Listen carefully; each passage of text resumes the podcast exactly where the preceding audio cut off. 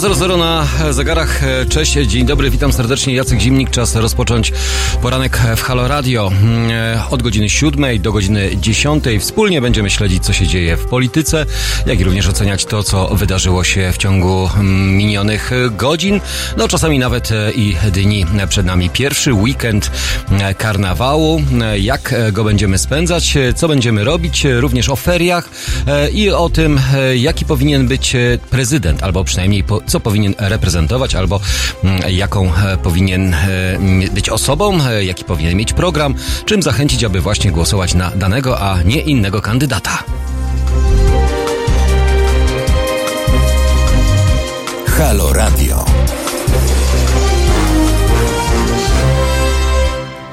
Można byłoby rzec, e, poranek, poranek, e, jeszcze e, prawie wszyscy śpimy, ale chyba o to chodzi, żeby rozpocząć ten dzisiejszy dzień od dobrych wiadomości, a patrząc na, na to, co dzieje się za oknami, można byłoby rzec bez zmian. Bez zmian pogodowych, warunki pogodowe oczywiście nie są dla nas jakimś wielkim zaskoczeniem, gdy patrzymy na pogody długoterminowe, ale gdy już zerkniemy na to, co czeka nas dziś, dziś mieszkańcy północnej Polski będą musieli zmagać się e, z silnymi porywami wiatru. Z kolei w godzinach e, porannych e, na południu kraju pojawią się marznące opady deszczu. Temperatura na zachodzie jest, nazwijmy to, oj, oj, oj, oj, oj, coś mi umknęło tutaj, no chyba tak, nie, nie, nie.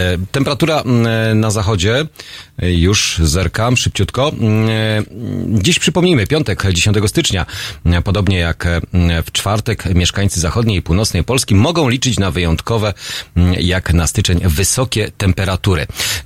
No, rzeczywiście patrząc na to, że mamy styczeń, już chcielibyśmy szusować ewentualnie po stokach górskich, czy bawić się śnieżkami, czy nawet lepić bałwany. Okazuje się, że na razie w niektórych regionach Polski jest to absolutnie niemożliwe. w większości kraju termometry pokażą dziś od 8, a nawet do 10 stopni Celsjusza. Najwyższa temperatura prognozowana jest dziś w województwie zachodnio-pomorskim, wielkopolskim i lubuskim, gdzie będzie aż właśnie wspominane wcześniej 10 stopni. Jeden stopień mniej pokażą termometry w Gdańsku, Bydgoszczy, Toruniu i Wrocławiu. Najchłodniej będzie na Podkarpaciu, tam maksymalnie 3 stopnie w ciągu dnia. W Krakowie i Lublinie zapowiadanych jest 5 stopni, a w Katowicach około 4 stopnie. W pozostałych regionach od 6 do 8 stopni. Gdy patrzymy na mapy naszego kraju, Rzeczywiście wszędzie temperatury powyżej e, zera.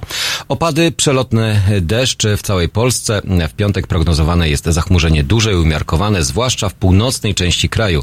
Większe rozpogodzenia możliwe będą w województwach mm, lubelskim, świętokrzyskim, małopolskim, śląskim i dolnośląskim.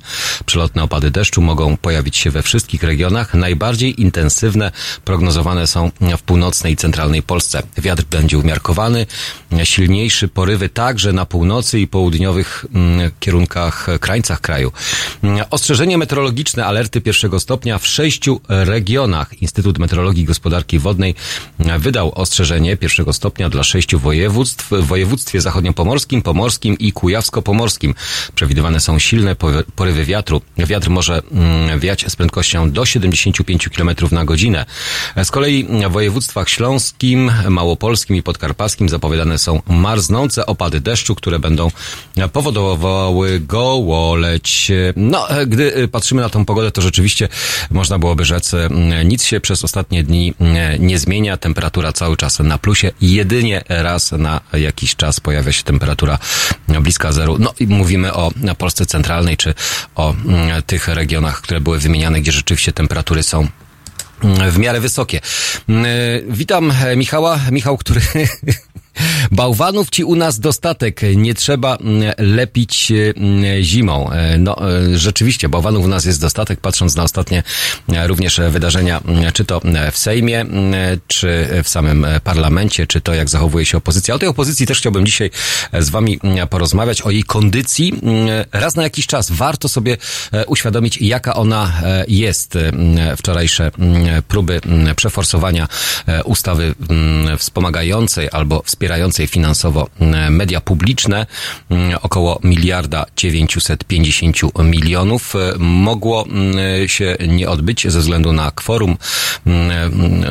Politycy opozycji postanowili, że będą wyjmować karty z czytników, aby przedstawiciele władzy nie mieli tej większości parlamentarnej, czyli tej obowiązującej, tej, która powinna ustawowo być. Dwójka posłów, dwie posłanki nie uczyniły tego i przez to nie udało się przeforsować kolejnego, nazwijmy to, aktu, nie tylko aktu desperacji, ale próby zablokowania czegoś, co większości osobom się nie podoba. Będziemy zaglądać dzisiaj również do prasy, a przede wszystkim również pytać o to, Jaki powinien być ten nasz e, prezydent? Mm, wczoraj mm, Hołownia chce, mm, zapowiedział, że chce spotkać się e, z ludźmi, Szymon Hołownia, e, i zdiagnozować, co będzie przedmiotem jego kampanii. Jak te kampanie powinny wyglądać, czym powinny one przykuwać, jakie są możliwości. Ja wiem, że jeszcze nie wystartowała sama kampania prezydencka. Brakuje nam jeszcze chyba prezydentów, a czy prezydentów, kandydatów na kandydata prezydenckiego ze strony Konfederacji Konfederacji, ale tam jest sprawa chyba już bardzo mm, klarowna i jasna. To jest kwestia tylko i wyłącznie czasu. Oficjalnie, mm, tak jak już e, wcześniej też mówiliśmy, 19 stycznia mm, e, Lewica rekomenduje już e, Roberta Biedronia, ale ogłosi to wszemi wobec właśnie na konwencie lewicowym. Także tutaj akurat myślę, że żadnego problemu z tym nie będzie.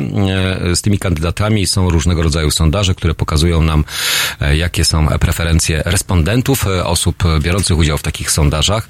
No ale mm, e, jaki on powinien być ten prezydent? Może e, gdybyśmy na to tak spojrzeli, e, kto mógłby nas godnie reprezentować? O tym też możemy rozmawiać. Możemy rozmawiać o opozycji, jaka ona jest, czy ona jest silna, czy ona jest słaba.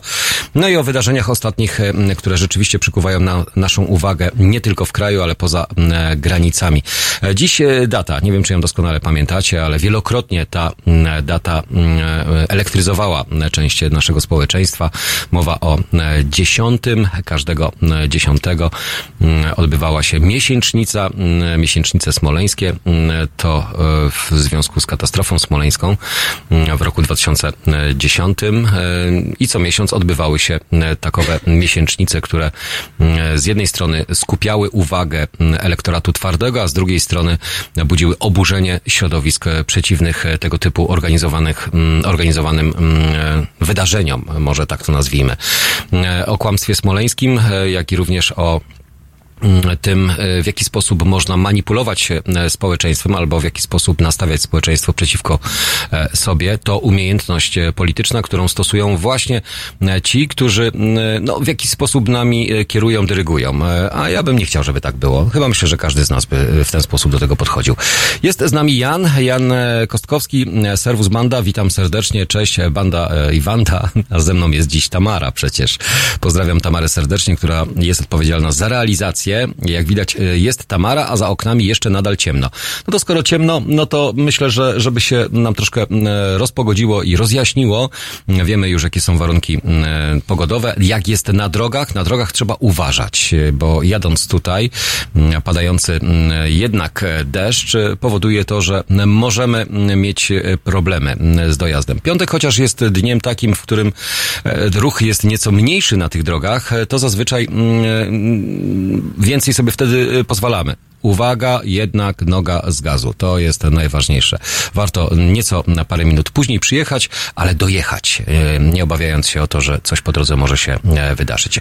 Nie ma tak, że wstajemy z samego rana e, i musimy odśnieżać. To jest chociaż dobra wiadomość. Dla mnie również dobra wiadomość, z tego względu, że wstając o godzinie 5, 5.30, wychodząc o 6, gdyby był śnieg za oknami, wtedy rzeczywiście taka zdrapka, czy taki drapak do szyb, czy mm, do odśnieżania samochodu jest niezbędny. Taki niezbędnik, który zawsze nam się powinien e, pojawiać, że zawsze powinien być w samochodzie. Mm, niestety, albo stety, na razie nie musimy z niego korzystać. Więc okej, okay, nie ma żadnego mm, problemu z tego typu dodatkami, które gdzieś tam powinniśmy w samochodzie posiadać. E, e, wsiadajmy do samochodu i jedźmy do pracy. Jeżeli nie, to budźmy się, poranna kawa, poranna prasa. Dziś na antenie Halo Radio do godziny 10 rano. Będziemy śledzić na bieżąco również to, co dzieje się w serwisach informacyjnych i to, co dzieje się w polityce. Czym żywią się dziś politycy i czym próbują nas zainteresować. Czy uda im się tym razem skupić naszą uwagę znów na bieżących rzeczach krajowych, czy będziemy skupiać się i koncentrować na wydarzeniach zagranicznych. Zobaczymy, prześledzimy. Poranek przed nami, więc rozpoczynamy od czegoś, co może nas nieco bardziej pobudzi. Ci, którzy słuchają nas na YouTubie tego nie będą mieli możliwości usłyszenia, ale ci, którzy słuchają nas za pomocą aplikacji oczywiście, bo tam nie tylko głos, ale również muzyka. Mus The Dark Side.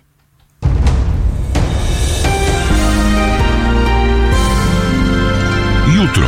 Od 19 do 21 Renata Gluza i jej goście pokażą Państwu, że dziennikarstwo może być misją i może czynić dobro. 19.21 www.halo.radio. Słuchaj na żywo, a potem z podcastów.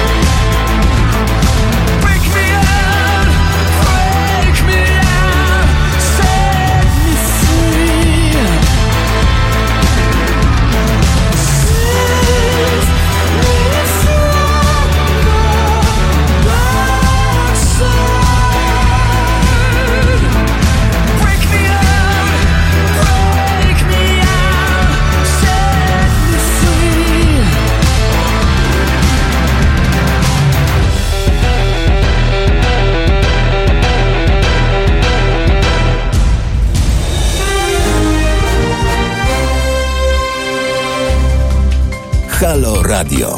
Pierwsze medium obywatelskie.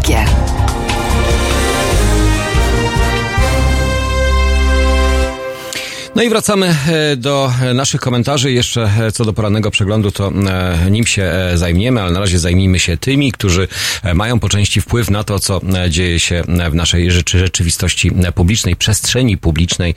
Mowa oczywiście o parlamentarzystach, o Sejmie. Wczoraj dwie posłanki Koalicji Obywatelskiej nie zachowały w Sejmie dyscypliny, przyczyniając się do przegłosowania przez PiS projektu ustawy o dofinansowaniu dla TVP mediów publicznych na kwotę miliarda 950 milionów złotych. To kolejna wielka wpadka opozycji przy kluczowym e, dla państwa e, głosowaniu. E, Sejm tuż po godzinie 15 przegłosował projekt ustawy dotyczącej dofinansowania mediów publicznych na rok 2020. W grę wchodzi ogromna, niespotykana wcześniej kwota. PiS wniosło o dofinansowanie TVP i Polskiego Radia na poziomie wspomnianych prawie 2 miliardów złotych. Chodzi o rekompensaty za utracone wpływy z abonamentu.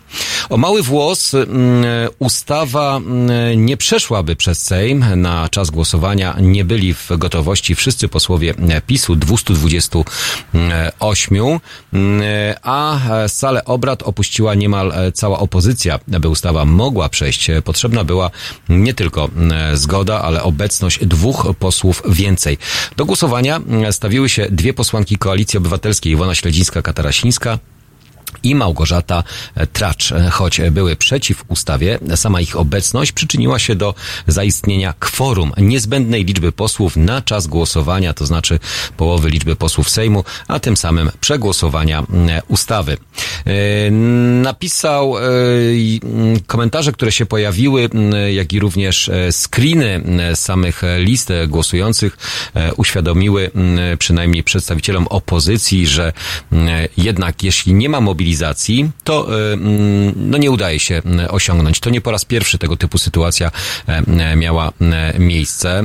Również e, ostatnie głosowanie pokazało, jaka jest opozycja i w ubiegłym roku jaka jest opozycja i jak brak mobilizacji albo brak dyscypliny powoduje, że rzeczywiście pewne rzeczy, które i tak może stałyby się faktem, bo jeśli teraz by ta ustawa nie przeszła, pewno pewno znów wymyślono by e, inną opcję, która pozwoliłaby na to, e, żeby tą ustawę ponownie wprowadzić e, i przegłosować, ale to zawsze jest jednak sygnał do tego, że mając większość parlamentarną, nie zawsze można wszystko forsować w danym momencie i wtedy, kiedy się chce. Opozycja może jedynie rozdzierać szaty. Poseł Lewicy Krzysztof Gawkowski napisał na Twitterze ustawa pokazująca przyka- przykazująca miliardy złotych na propagandę TVP mogła upaść. Mogła. E, pytanie pokazując dwie czerwone kropki wśród 460 parlamentarzystów, które mm, e, no, przesądziły o tym,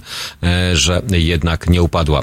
By ustawa weszła w życie, potrzebna jest jeszcze zgoda Senatu, wprawdzie, którego sprzeciw może odrzucić Sejm oraz podpis prezydenta, ale to jest zwane, tak zwane 30-dniowe opóźnienie, mm, które mm, no i tak prędzej czy później jednak weszłoby w życie. Patrząc na samą ustawę i na same media publiczne, e, gdybyśmy się teraz e, na tym e, skupili, to rzeczywiście w Polsce istnieje ustawowy obowiązek płacenia abonamentu. Wielokrotnie padały propozycje, co zrobić z mediami publicznymi, które są jakie są, każdy widzi, każdy słyszy, albo przynajmniej ci, którzy czasami zaglądają tam, mają świadomość tego, że to jest narzędzie polityczne, przynajmniej w kontekście przekazywanych informacji dotyczących tego, co dzieje się u nas w kraju pod względem ekonomicznym ekonomiczno-gospodarczym, ustawowo mm, mm, i e, praworządności. Mm, e, interpretacja mediów publicznych jest, to nie jest obiektywne spojrzenie, to jest bardzo subiektywne albo bardzo polityczne spojrzenie, podporządkowane władzy tej z, no, głównej władzy, tej, która ma władzę w rękach. Przypomnijmy, że Ustawa o płaceniu abonamentu w związku z posiadaniem odbiornika telewizyjnego e, i lub radiowego wystarczy posiadać, nie trzeba oglądać. To już jest nasz obowiązek. W praktyce oznacza to, że e, płacą tylko ci, którzy zgłosili ten e, fakt posiadania. Jeśli nie płacą, czekają ich tak zwane kary. W przeciwieństwie do osób, który, którzy swój odbiornik ukrywają, taki system abonamentowy od wielu lat nie podoba się żadnej władzy, żadna też nie ma odwagi, by go zmienić. Kiedyś Donald Tusk z mównicy zapowiedział likwidację abonamentu, przez to też co niektóre osoby przestały go płacić, po czym ponosiły konsekwencje i też zarzucano mu właśnie e, tak zwaną, może nie manipulację, ale zachęcanie do tego, żeby e, to właśnie e, czynić. Teraz zarówno opozycja, jak i politycy obozu władzy zapowiadali przynajmniej w ubiegłym roku, że zmiana tak zwanego modelu finansowania mediów publicznych jest zadaniem na tą obecną kadencję. Pojawiło się kilka koncepcji tego, jak należy poprawić ściągalność opłaty abonamentalnej. Padły pomysły płatności wnoszonej e, wspólnie z rachunkami za energię elektryczną czy składki odprowadzanej od PIT, CIT lub KRUS-u taka nowelizacja mm, e, ustawy, mm, która wprowadzałaby nowy model finansowych mediów publicznych, była już zapowiadana w roku 2016. Od tego czasu nie zmieniło się nic poza liczbą gospodarstw domowych, które uregulowały należność za abonament RTV. Na koniec roku 2018 było to jedynie 993 993 637 zobowiązanych, e, co stanowiło tylko ponad 31% uprawnionych. Mm, e, to nawet nie jest w, w, milionach. No, zobaczmy, ilu mamy tych odbiorników. Dzień dobry. Chciałbym zauważyć, że skoro z naszych podatków e, Szczujnia dostaje dwa, dwie duże bańki za utra, za utraciny albo za abonament, to wszyscy y, y, państwo może no nie wiem, nie wiem. Okej, okay, dobra, wielokropek dalej postawiony. Mm, e, to wszystko państwo może. Może tak to miało być. Tak, aha, w ten sposób. No dobra, okej. Okay. Co e, do abonamentu, mm, to mm, e, mamy wypowiedź przewodniczącego z Krajowej Rady Radiofonii i Telewizji. Zresztą warto przypomnieć, że jedna z, posłanek, pani Śledzińska, Katarasińska, kiedyś też była w Krajowej Radzie Radiofonii, to może dlatego też e, czuła obowiązek tego, że przynajmniej może być i powiedzieć zdecydowane nie, nieświadomie wprowadzając jednak tą ustawę w życie i dofinansowanie dwóch baniek dużych do puli mediów publicznych. E, ja e, oczywiście mam swoje zdanie, myślę, że każdy z Was też ma swoje zdanie, jak te media powinny być finansowane, albo przynajmniej jakie powinny paść rozwiązania. Może po prostu sprywatyzować i to wolny rynek powinien decydować o tym, czy tego typu media się utrzymują, czy są potrzebne, bo jeżeli nie są to media obiektywne albo nie są to media, które rzeczywiście dają nam to, co chcemy e, dawać, czyli tą wysoką kulturę na najwyższym poziomie, niekoniecznie e, tylko i wyłącznie rentowną, czy papkę komercyjną, albo e, coś, co jest mało twórcze albo mało rozwijające. Misja tak zwana, która zawsze powinna przyświecać tego typu, typu mediom, powinna być mm, dla społeczeństwa czymś pozytywnym, a nie mm, czymś, co e, absolutnie mm, ma efekt odwrotny.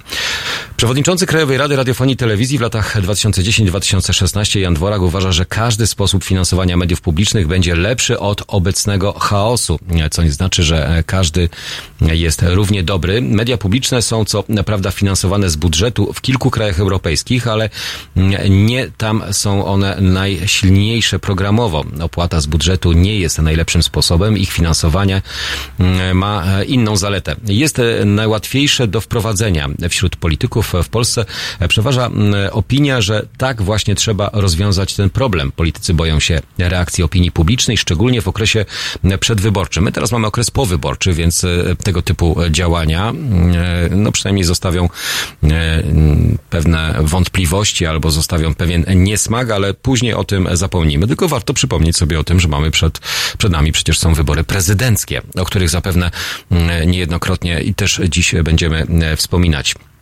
Według pana Dworaka najlepszym sposobem finansowania jest jednak opłata audiowizualna. Dodaje, że istnieją te dwie wady systemu finansowania mediów publicznych z budżetu państwa. Po pierwsze, to jawne uzależnienie mediów od klasy politycznej, bo nawet jeśli zapisze się w ustawie określony wskaźnik budżetowy, to i tak pozostanie on w corocznym mechanizmie uchwalania budżetu. Będzie można go zmienić i w nim e, gmerać. Tak jak dziś politycy gmerają w wydatkach na obronność. Po drugie, opłata audiowizualna, jeśli została wprowadzona, jest mm, e, trudniejsza do zmiany, bo wskazuje, że media publiczne należą do obywateli, a nie do rządu. No i tutaj niestety, ale muszę się zgodzić. Media publiczne to nie media rządowe. Media publiczne, czyli media nasze. Skoro płacone są z naszych składek, to powinny odzwierciedlać e, wszystkie mm, opinie publiczne i dawać możliwość e, oceny mm, sytuacji w sposób e, bardzo obiektywny, a nie subiektywny. Po drugie, opłata audiowizualna, jeśli została wprowadzona, jest trudniejsza do zmiany, bo wskazuje, że media publiczne należą do obywateli, a nie do rządu. Mm, czują e, tak odbiorcy BBC. Czują e, to też Szwajcarzy, którzy w referendum większością ponad 70% odrzucili mm, propozycję zniesienia abonamentu w ich kraju. Widocznie cenią to, co dostają za swoją składkę, wynoszącą prawie 1700 zł rocznie. Podaje przykład były szef Krajowej Rady mm, Radiofonii i Telewizji. Jednocześnie jest zdania, że opłata audiowizualna jest trudniejsza do wprowadzenia, bo wymaga odrębnej ustawy i wskazania, że pieniądze od obywateli przeznacza się na konkretny cel. Jest więc wzajemnym zobowiązaniem między mediami publicznymi a widzem i słuchaczem, w którym aparat skarbowy mm, tylko technicznie pomaga. To niepopularne w Polsce rozwiązanie, nawet jeśli koszt miałby wynosić raptem nieco ponad 8 zł miesięcznie. Istota problemu z finansowaniem e, wcale nie leży e, w pieniądzach, jak myślą politycy. Istota to e, społeczna akceptacja dla programu i zaufania dla mediów jako instytucji społecznej. Nie zbudowaliśmy zaufania widzów i słuchaczy i nie wytworzyliśmy więzi, za którą idzie wzajemne zobowiązanie między odbiorcą, który chciałby płacić, a nadawcą, który odpowiadałby na społeczne potrzeby. To jednak nie powód, żeby z tego zdania mm, czy zadania rezygnować, choć obecnej sytuacji w obecnej sytuacji politycznej nie ma na to e, szans. E, obecna władza e, chętnie z budżetu zapłaci za uległość mediów, uważa pan Dworak.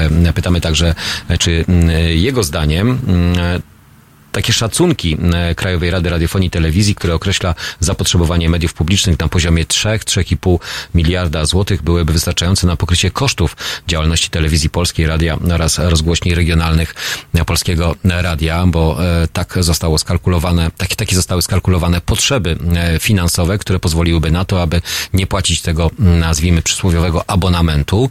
Mm, a no właśnie, jak to rozwiązać?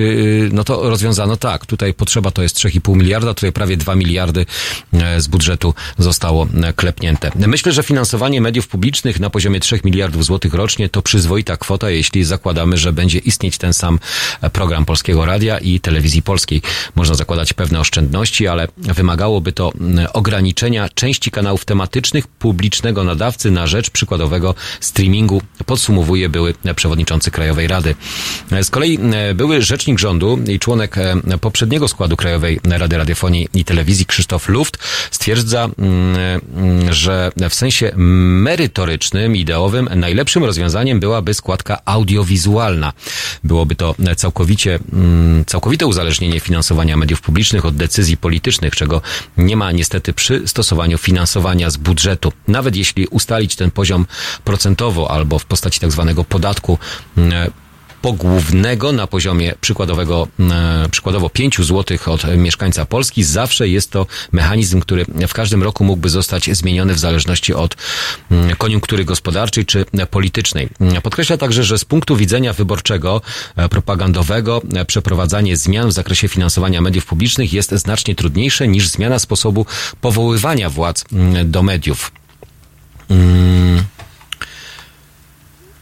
w, celu ich e, przejęcia. E, sprawy trudne Prawo i Sprawiedliwość y, się nimi raczej nie chce zajmować, a byłoby to o tym trudniejsze, że w dzisiejszych czasach wiarygodność telewizji publicznej, ale i radia została nadszarpnięta tak jak nigdy dotąd. Tym bardziej będzie to ryzykowna decyzja polityczna, mówi Krzysztof Luft.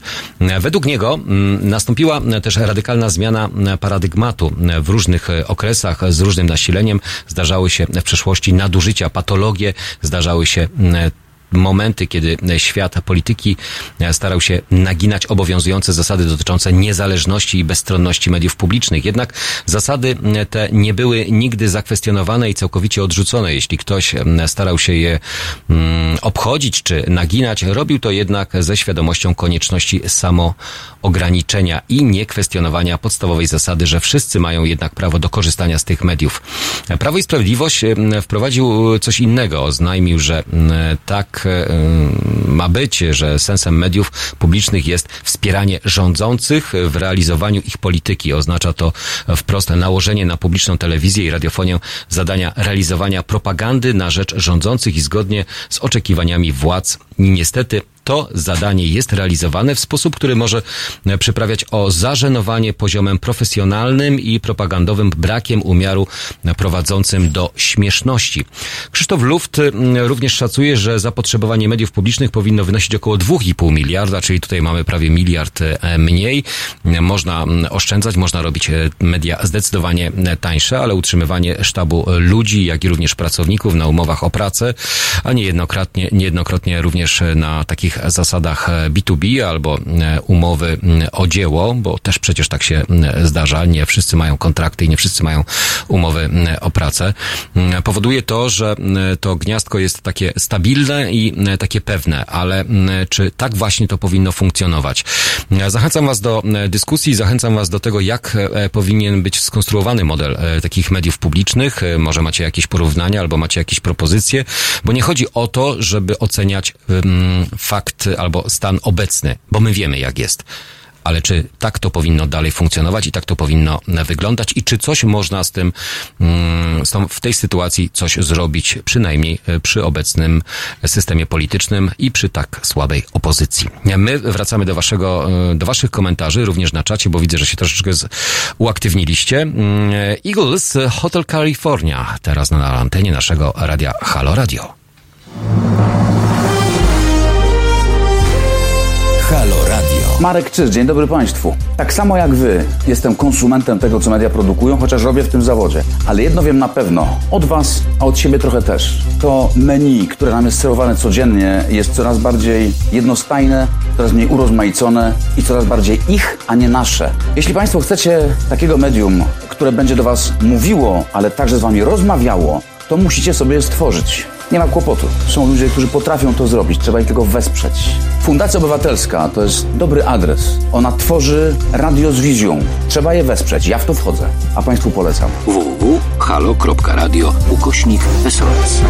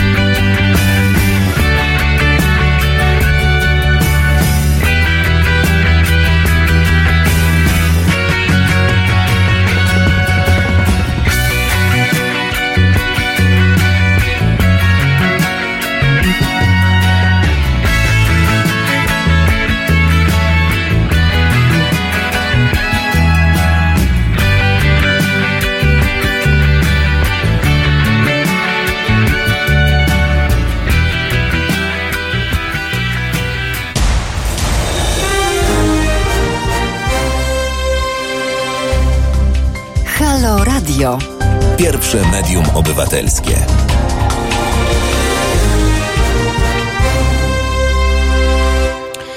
Pierwsze medium obywatelskie, Halo Radio. E, Cały czas e, jesteśmy dostępni. E, W pierwszej godzinie rozmawiamy o wydarzeniach tych, które nas gdzieś otaczają.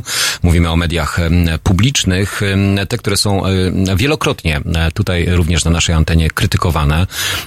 Ci, którzy nie oglądają mediów publicznych, mają również swoje stanowisko i swoje zdanie w tym temacie.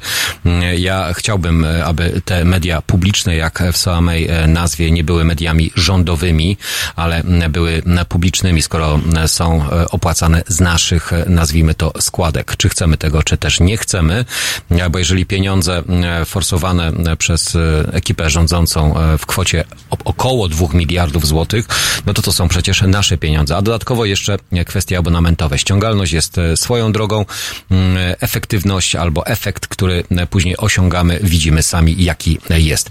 Patrząc e, na e, wasze komentarze, pozdrawiam e, tych, którzy są e, z nami, to w sumie każdego dnia i to jest e, miłe, że mm, budzicie się z radiem, komentujecie, bierzecie aktywny udział w tym, co, o czym mówimy, albo to, jakie tematy poruszamy. Mm, mm, Sinsiul jest z nami, jest Michał, jest Grzegorz Szafrański, jest Robert Zachajczuk i Barbara Słotwińska. Zachęcam Was również do nie tylko pisania, ale jeżeli macie ochotę, to przecież możemy porozmawiać. E, Łatwiej rozmawiać niż e, tylko i wyłącznie e, pisać. Nasz numer telefonu 22 39 059 22. My nie jesteśmy przedstawicielami Krajowej Rady Radiofonii i Telewizji, ale jesteśmy obywatelami tego mm, kraju, naszego kraju. W którym płacimy podatki i płacimy na to, co niekoniecznie nam się zawsze podoba. E, warto by sprawdzić, czy pani Katarasińska była trzeźwa. No ja już bym się tak nie, trzep, nie, nie trzepiał za każdym razem tego, czy ktoś e, z polityków jest trzeźwy, czy nie. Jego obowiązkiem jest w pracy być w stanie funkcjonującym normalnie. No i proszę, mówiłem, rzekłem, telefon e, pierwszy już jest, ktoś do nas dzwoni o funkcjonowaniu mediów publicznych, a przede wszystkim o tym, jakie te media powinny nie być, bo my wiemy, jakie one powinny być, ale jak one powinny funkcjonować, albo jak powinny być opłacane lub finansowane. E, mm, jest z nami kto? Dzień dobry Panie Jacku, znowu Katarzyna. Cześć Kasiu, witam Cię serdecznie. E, chciałabym Dzień dobry. Się, chciałabym się odnieść krótko odnośnie wczorajszej sytuacji, odnośnie wczorajszego głosowania. I powiem, że jest mi bardzo przykro, bo jak to pieszczotliwie o sobie mówimy, jestem, jestem ulicznicą. Mhm. O, czy można wybaczyć Małgosi Tracz? Poniekąd można. Chciałabym być dobrze zrozumiana przez Państwa. E, zastanawiam się, ja staram się stanąć tak jakby z drugiej strony. Zastanawiam się, ja już pomijam tą drugą panią, bo ona jest chyba dziewiątą kadencję, więc pytam się, co tą kobietą kierowało. Tam możemy główne chyba pretensje przełożyć na, na to, że kobieta, która powinna wiedzieć, czym to się skończy. Jak mogła się tam pojawić, jak mogła złamać, powiedzmy, tą... Och, przepraszam, jestem naprawdę zdenerwowana, zniechęcona. Są ludzie, którzy są pięć lat na ulicy. Są ludzie, którzy mogą się znają z tej ulicy. Ja się zastanawiam, jak ta dziewczyna się czuje, mając świadomość, że ułatwiła całą kampanię prezydencką ludzie. A z drugiej strony zadam Państwu pytanie. Jeżeli głosuje około 40-40 paru procent społeczeństwa i 20 parę, czyli w tym przypadku ponad połowa, głosowała na PiS i wybrała PiS, to mamy jeszcze suma summarum, tych, którzy mhm. głosowali przeciwko PiSowi i tych, którzy nie głosowali, mamy ponad 70% społeczeństwa uprawnionego do głosowania. Skoro już wydarzyło się to, co się wydarzyło, skoro poszło te ponad 2 miliardy, to co my z tym zrobimy? Co my zrobimy, żeby spróbować obronić tak zwane media publiczne. I właściwie tyle, panie Jacku. Ale pani Kasiu, bo e, e, ja oczywiście mam e, zawsze sporo pytań dotyczących tego, dlaczego akurat tak się dzieje, dlaczego jesteśmy tak, mimo wszelkich starań, tak samo jak i pani, która, jak pani stwierdziła, pani jest aktywną uczestniczką różnego rodzaju inicjatyw, nazwijmy tych oddolnych albo wspólnie gdzieś ze znajomymi czy z grupą osób, gdzie staracie się wyrazić swoje niezadowolenie wobec pewnych działań. O mediach publicznych rozmawialiśmy już niejednokrotnie. Ja wiem, jakie one są i my wszyscy wiemy, jakie one są. Ale w biały dzień, e, czasami nawet w białych rękawiczkach, e, e, bo inaczej tego chyba nazwać nie można, forsowane są grube miliardy pieniędzy na coś, co absolutnie nie przynosi nam żadnego pożytku. Okej, okay, na pewno są wartościowe treści, które są w mediach publicznych, ale przysłonione właśnie przez to, co robi ekipa rządząca, w jaki sposób wykorzystuje to jako narzędzie polityczne, to o czym pani wspomniała, czyli mamy teraz kampanię prezydencką, znaczy jeszcze nie mamy jej, ale rozpocznie się za chwilę kampania prezydencka, która wykorzystywana jest tylko i wyłącznie właśnie w mediach publicznych albo za pomocą mediów publicznych do tego, aby popierać jednego czy drugiego kandydata, żeby y, ewentualnie obrzucić błotem mm, przedstawicieli, y, czy to właśnie opozycji, wykorzystać mm, y, przeogromny zasięg do tego, żeby mm, kształtować osobowość, kształtować E, światopogląd e, ludzi, którzy niekoniecznie e, słuchają czy to Halo Radio, niekoniecznie sięgają do internetu czy do gazet, które bardziej subiektywnie, ale zarazem też obiektywnie postrzegają naszą rzeczywistość. Jest jakiś sposób, żeby rozwiązać ten problem. Jest coś, co pozwoliłoby na to, abyśmy mogli uwierzyć, że płacąc podatki, płacimy godne, co jest dla nas prawdziwe i odzwierciedla rzeczywistość, a niekoniecznie, bo ja nie mówię, że jedna ekipa czy druga ekipa, bo każda ekipa polityczna wykorzystuje media, mając te media, wykorzystuje je do swoich własnych e, partyjnych celów. Nie wiem, panie Jacku. Ja Nie potrafię odpowiedzieć na takie pytanie. To postarajmy się dzisiaj znaleźć odpowiedź, e, czy może, e, bo, bo ja wiem, że są protesty, które e, pojawiają się również przed Woronicza. Grupa osób protestujących za każdym razem stara się podkreślić to, w jaki sposób postrzegane są przez pewne środowiska właśnie media publiczne. My widzimy, tak, my słyszymy. Panie Jacku, że wejdę w słowo, bo ja naprawdę nie chciałabym dzisiaj trzymać linii. Niech pan zobaczy, ile tam jest ludzi. Niewielka garstka. Ludzie, kochani, którzy słuchacie obecnie, pomyślcie, niejednokrotnie z nas się śmiejecie. Pomyślcie o tym, zanim zaczniecie znowu nas wyszydzać. I tylko tyle, panie Jacku. Dziękuję. Pozdrawiam, miłego dnia życzę. To była pani Kasia.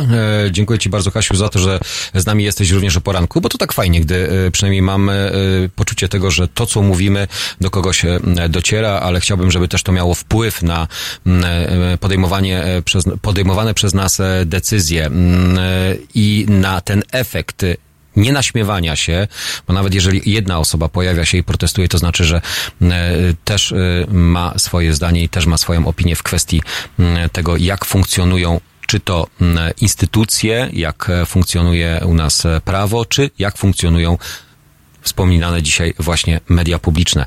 Ja bym jeszcze chciał wrócić mm, do mm, oceny i do mm, tego, jak te media e, działają, albo jak one powinny działać e, w opinii przedstawicieli byłych szefów Krajowej Rady Radiofonii i Telewizji. E, Wspominany wcześniej Krzysztof Luft szacuje, że zapotrzebowanie mediów publicznych powinno wynosić około 2,5 miliarda złotych rocznie, zakładając pewne dopływy środków pochodzących z reklam, a przypomnijmy, że te reklamy jednak są w tych mediach publicznych mm, e, i e, mamy mm, e, i one nie są tanie. To nie jest tak, że tam są ceny mm, atrakcyjne, preferencyjne. Tam są ceny o niejednokrotnie wyższe z tego względu, że przeogromny zasięg daje też firmom, czy spółkom Skarbu Państwa, czy jakimkolwiek instytucjom, czy prywatnym, czy nieprywatnym, daje możliwość dotarcia z danym produktem do szerokiego odbiorcy. Mm, Krzysztof Luft uważa, że wprowadzenie nowego systemu finansowania, który zastąpi abonament, e, czy to będzie budżet, czy składka audiowizualna, wymaga przede wszystkim radykalnych cięć, jeśli chodzi o czas trwania reklam. W zamian za składkę audiowizualną bądź finansowanie z budżetu, czyli z podatków, trzeba widzowi dać wartość dodaną. Nie ma powodów, aby media publiczne były finansowane w takim samym stopniu z reklam, jak media komercyjne. Mm, Jeżeli e, dostają e, efektywne finansowanie, byłbym więc za tym, aby ograniczyć przychód komercyjny z reklam. Zdaniem pana Krzysztofa do poziomu trzy razy mniejszego niż obecnie, to jest około 4 minut na godzinę. Normalnie bloki reklamowe trwają około 12 e, minut. Czasami się, czasami mamy takie wrażenie, że te bloki trwają po- ponad 20 minut, a to z tego względu, że zazębiają się z jedną, jedna godzina zazębia się z drugą godziną i wtedy te bloki rzeczywiście są zdecydowanie e, dłuższe.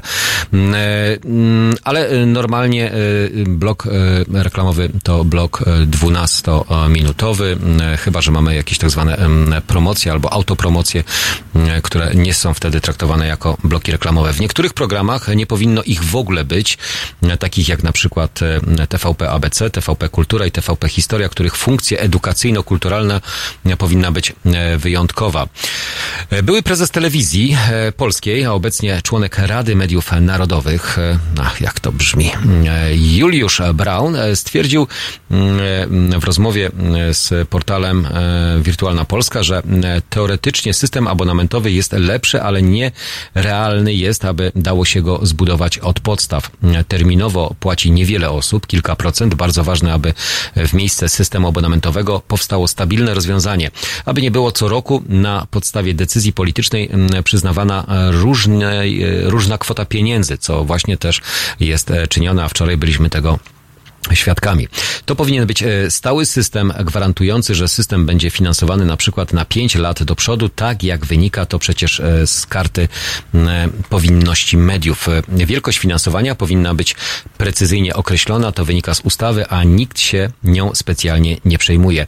To, co mamy w tej chwili, czyli rozdzielanie pieniędzy według uznania polityków, to jest najgorsze. Jego zdaniem finansowanie na podstawie stałego procentowego odpisu PKB dałoby się wprowadzić. Chodzi oczywiście o ułamek procenta. Łatwo, do, łatwo to przeprowadzić. Można przyjąć średnią unijną lub trochę mniejszą, większą. Nie może to być system uznaniowy. To najważniejsza kwestia.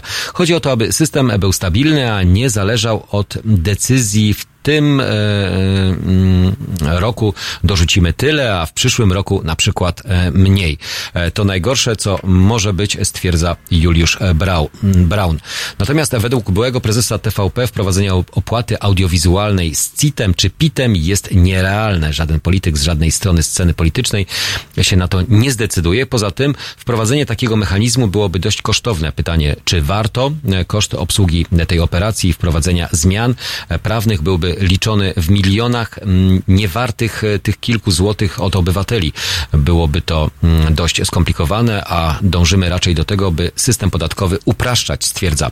Dodaje, że jeśli chodzi o potrzeby finansowania mediów publicznych, należałoby podjąć decyzję w zakresie określania czasu reklamowego oraz liczby kanałów publicznego nadawcy, czyli to samo, jeżeli mówimy już o opłatach e, podatkowych czy audiowizualnych, to w zamian za zmniejszenie liczby reklam lub, lub po prostu czasu tego antenowego reklam. Tak samo twierdzi Juliusz Braun. Nie wiem, e, na jakim poziomie e, powinno się ustalić poziom finansowania. To musi być y, uzależnione od czasu reklamowego, czy reklamy zostają bez zmian, czy są ograniczone. Trzeba podjąć decyzję w ilości kanałów. To decyzja strategiczna. Na tej podstawie da się określić potrzeby mediów publicznych i mm, tego trzeba się e, trzymać. Podsumowuje wysokość e, opłat abonamentowych w 2019 roku pozostała bez zmian. Dla radia to 7 zł miesięcznie, a dla posiadających radio i telewizję 22 zł i 7 e, groszy.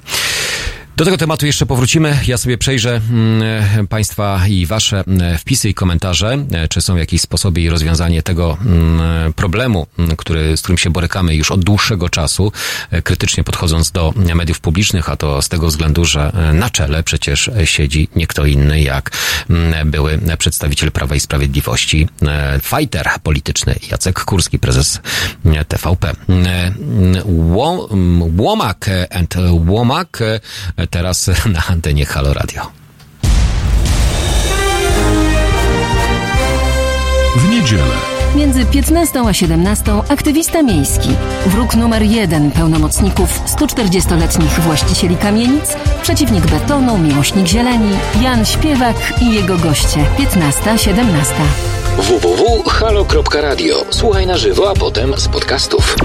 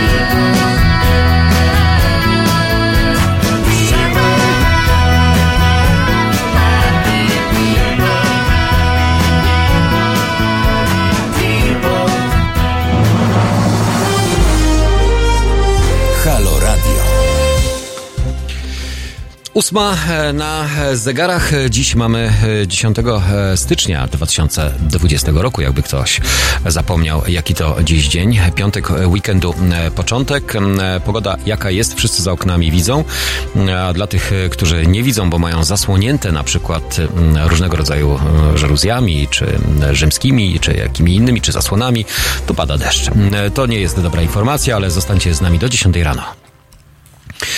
No właśnie, ale patrząc na e, Wasze komentarze, e, sam fakt konieczności płacenia abonamentu, pisze e, Michał Gabriel, gdy ma się, gdy nie ma się telewizora, jest niedorzeczny, bo co z osobami, które używają go tylko do grania na konsoli albo do serwisów streamingowych?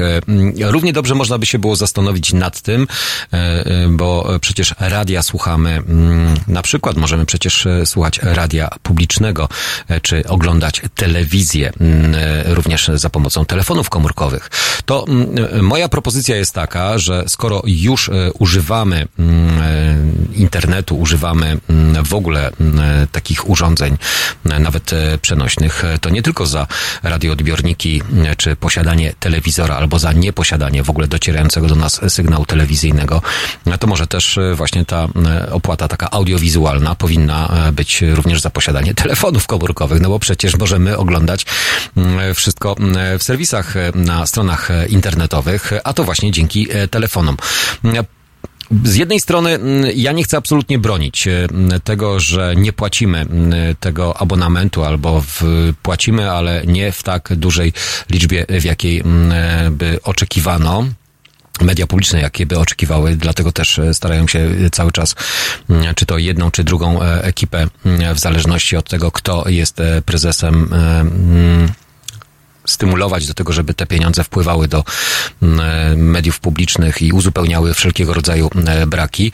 Ale mm, patrząc na to, że e, obecnie jesteśmy mm, podłączeni pod internet, mamy sieć, sieci kablowe, gdzie wiarygodność danych odbiorców jest bardzo łatwa do zweryfikowania, posiadając telefon komórkowy, to zmniejszyć różnego rodzaju dopłaty, ale przede wszystkim odpolitycznić. Odpolitycznić media, aby mieć poczucie tego, że to na co płacimy, e, to jest e, w słusznej sprawie i dla dobra sprawy. Przede wszystkim po to, żeby te media były publiczne, a nie były narodowe albo e, rządowe, bo już sama nazwa narodowe kojarzy, kojarzy się mi tylko i wyłącznie z jednym ugrupowaniem politycznym, bo tak też chyba, taki był też cel.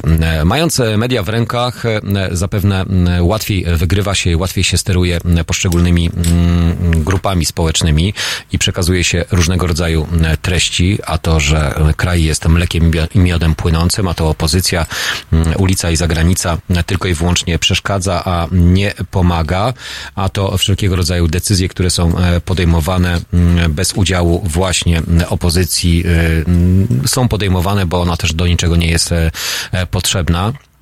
E, w sprawach e, międzynarodowych, e, to, to to jest rzeczywiście smutne, więc rola mediów w przestrzeni publicznej, w przekazywaniu informacji jest bardzo ważna i powinna być tematem dyskusji nie tylko ze strony opozycji, ale również społeczeństwa, bo to są nasze nasze pieniądze i to jest nasza telewizja. I chciałbym, żeby to była nasza telewizja i chciałbym oglądać serwisy informacyjne i materiały o e, treściach, które nas rozwijają, a nie wręcz mm, pogarszają nasze poczucie estetyki, czy mm, no nie, nie wnoszą nic e, nowego w nasze życie, wręcz otępiają. Ja się nie czepiam tego, w jaki sposób był prezentowany, czy to Sylwester, czy jakie e, treści muzyczne są prezentowane e, obecnie na antenie, bo to jest jakieś odzwierciedlenie może potrzeb. Może rzeczywiście taka część społeczeństwa jest, która e, ma potrzebę tego typu dawek muzycznych właśnie, żeby były serwowane przez media publiczne, ale uważam, że absolutnie nie. To nie tędy droga i to nie w tą stronę. Patrząc wynik mediów publicznych w roku 2018, zerkamy dalej do informacji, w ubiegłym roku telewizja Polska w ubiegłym roku, no to już prawie dwa lata temu, e, rok 2018 zanotowała wzrost przychodów e, o 24% do 2 e, miliardów 200 milionów złotych, głównie dzięki 359 milionom złotych więcej z abonamentu RTV. Wzrosły też wpływy nadawcy z reklam, sponsoringu, sprzedaży programów i licencji. W ubiegłym roku zatrudnienie w firmie wynosiło prawie 2700, 2700 etatów. W roku 2018 polskie Radio osiągnęło wzrost wpływów e, sprzedażowych o 12, mm, o prawie 13% e, do 336 milionów złotych oraz 15 milionów zysku netto wobec 2,7 mm, miliona złotych rok wcześniej. 69% przychodów spółki pochodziło z abonamentu i związanej z nim rekompensaty. Na koniec ubiegłego roku nadawca zatrudniał 1285 pracowników etatowych, o 30 więcej niż przed rokiem. W bieżącym roku planuje 62 miliony złotych straty. No, planować straty to trzeba robić oszczędności. W ubiegłym roku Polska Agencja Prasowa zanotowała wzrost skonsolidowanych przychodów sprzedażowych o 4% do 52 milionów złotych oraz 3 miliony 650 milionów 650 tysięcy złotych straty netto wobec 2 milionów e, straty rok wcześniej. Zmalały przychody też ze sprzedaży serwisów ogólnoinformacyjnych i ekonomicznych oraz Centrum Prasowego, a wzrosły z Polskiej e, Agencji Prasowej Foto, obsługi medialnej i wynajmu. Na koniec ubiegłego roku firma zatrudniała 401 e, osób. Wyniki głównych mediów komercyjnych w roku jeszcze 2018, za rok 2019 danych jeszcze nie mamy. W ubiegłym roku grupa kapitałowa przykładowo cyfrowy Polsat zanotowała 10 milionów e, przychodów sprzedażowych, 816 milionów zysku netto. Liczba abonamentów firmy zmalała o 1,2%, natomiast liczba sprzedanych e, usług jednostkowych wzrosła o ponad 2%. W przypadku TVN-u mm, TVN osiągnął wzrost wpływów sprzedażowych o 8,6% do 1 miliarda, prawie 2 miliardów e, złotych, a przychody z emisji reklam zwiększyły się o prawie 10% do miliarda 420 milionów złotych. Nadawca zanotował 157 milionów złotych straty netto, główne, głównie wskutek 394 e, milionów złotych odpisu dotyczącego wartości udziałów w platformie NC+. Na koniec roku zatrudniał 1514 e, pracowników. W grupie mm, RMF zanotowano, mm, RMF zanotował wzrost skonsolidowanych przychodów sprzedażowych o 7,8% do 288 milionów. Ja wiem, że te dane dane są może takie mm, e, mm, dla nas zatrważających, ale tutaj mamy mm, rzeczywiście wzrost. Firma zatrudnia 292 e, pracowników, a w grupie kapitałowej Euroz mamy, zanotowała wzrost wpływów sprzedażowych o 3,5% do 197 milionów. W przypadku samej spółki Euroz wpływy i zyski netto zmalały. Spółka Radio e, SK, która jest nadawcą 42 rozgłośni radiowych pod nazwą pod tą nazwą zamknęła 18 rok e, przychodem netto w kwocie 32 milionów złotych.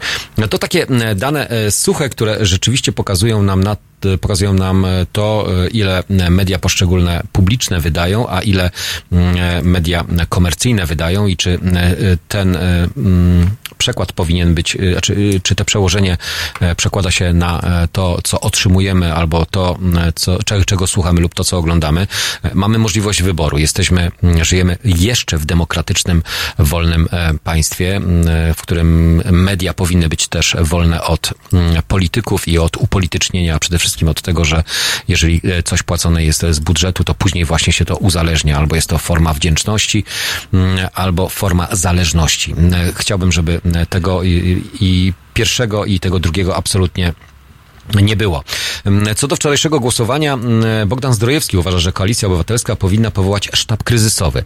No właśnie, o tej e, Koalicji Obywatelskiej i w ogóle o opozycji chciałbym z Wami porozmawiać, e, jaka ona jest i czy rzeczywiście tego typu e, zachowanie, które miało wczoraj miejsce, świadczy o tym, że jest problem. Jest problem albo to z przywództwem w poszczególnych ugrupowaniach politycznych, albo z samymi politykami, którzy nieświadomi albo świadomie działają na niekorzyść obywateli mając ich reprezentować.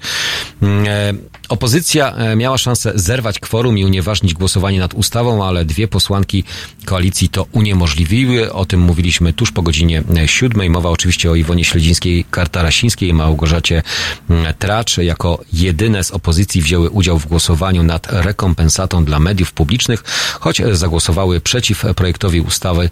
To dzięki nim frekwencja wyniosła 230 posłów, 230 osób. Dokładnie tyle potrzeba, by głosowanie zostało uznane za ważne.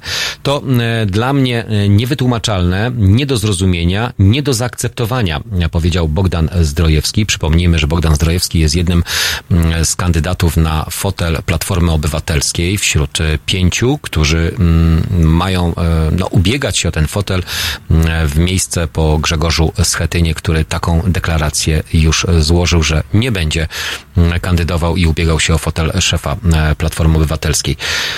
Bogdan Zdrojewski na antenie e, RMF-u, e, senator Koalicji Obywatelskiej, jeden z kandydatów na szefa Platformy, zwraca uwagę, że to nie pierwszy raz, kiedy w szeregach jego klubu coś nie zadziałało. Według mm, Bogdana Zdrojewskiego mm, wymaga to absolutnie takiego sztabu kryzysowego dotyczącego y, i dyscypliny, i sposobu głosowania, i pilnowania siebie nawzajem, bo takie błędy będą e, deprecjonować całą formację, całej opozycji, nie tylko Platformy, powiedział Zdrojewski. Jego zdaniem oczekiwania społeczne są w tej chwili tak wyostrzone, że wyborcy nie darują opozycji tego typu potknięć. E, rozmawialiśmy już o tym potknięciu e, w momentach, kiedy e, rzeczywiście było istotne głosowanie, a politycy nie mogli być, bo byli w okresie świątecznym, bo powyjeżdżali, brakowało odpowiedniej liczby posłów. Włodzimierz Czarzasty zareagował na wpadkę posłanek łagodniej. Szkoda, tutaj cytat, ale my też mogliśmy się pomylić, napisał na Twitterze szef SLD. Bardziej surowa była jego mm, klubowa koleżanka Hanna Gil-Piątek. Mm, mm, prawie zerwaliśmy kworum e, po tylu kadencjach. Nie wie pan, jak e, zrywa się kworum? Zapytała Iwonę, jak pani e, zrywa się kworum? Zapytała Iwonę Śledzińską-Katarasińską. Później usunęła wpis z Twittera. Małgorzata Tracz przeprosiła za brak należytej czujności przy głosowaniu. Nie zauważyłam możliwości zablokowania ustawy przez brak uczestnictwa. Napisała na Twitterze. Swojego zachowania nie skomentowała Iwona Śledzińska-Katarasińska. Obie nie odebrały również telefonów e, po głosowaniu. Do podobnej sytuacji doszło przed świętami. Przypomnijmy, że na sali było nieobecnych tak wielu posłów Prawa i Sprawiedliwości, że opozycja mogła wygrać e, głosowanie 30 parlamentarzystów PO i Koalicji Obywatelskiej Lewicy. Nie pojawiło się jednak w Sejmie, przez co partia rządząca przegłosowała e, projekt. E, I jak jest, no, wszyscy widzimy. Kolejny raz e, opozycja pokazała swoją e, słabość albo brak, mm, znaczy komunikacja Chyba to jest najważniejsze, bo e, to przede wszystkim liderzy, szefowie poszczególnych klubów e, powinni dopilnować i e, mm, ja wiem, że można karać różnego rodzaju mm, karami finansowymi, mm, dyscyplinującymi, ale to, jak to się mówi, co, do trzech razy sztuka? Czekamy na kolejną wpadkę opozycji? Nasz numer telefonu e, bez e, zmian. Jeżeli e, macie ochotę, to dzwońcie 22 39 059 22. Wracamy do Was dosłownie za chwilę. Mm, teraz Billy Joel, Uptown Girl na antenie Halo Radio. Halo Radio. Hej, cześć, tu Krzysiek Skiba, zespół Big Cyc. Panie i panowie, chciałem zaprosić wszystkich do aktywności o wpłaty, apeluję o wpłaty na Fundację Obywatelską, na Patronajta Fundacji Obywatelskiej. Dość już e, polityków, czas coś zrobić dla obywateli. Politycy są w radiu, są w telewizji, a tutaj buduje się radio obywatelskie bez polityków, gdzie wreszcie obywatele mogliby o sprawach obywatelskich pogadać. Nie jest to związane z Platformą Obywatelską, z żadną partią. Fundacja Obywatelska. Warto wesprzeć. www.halo.radio ukośnik SOS.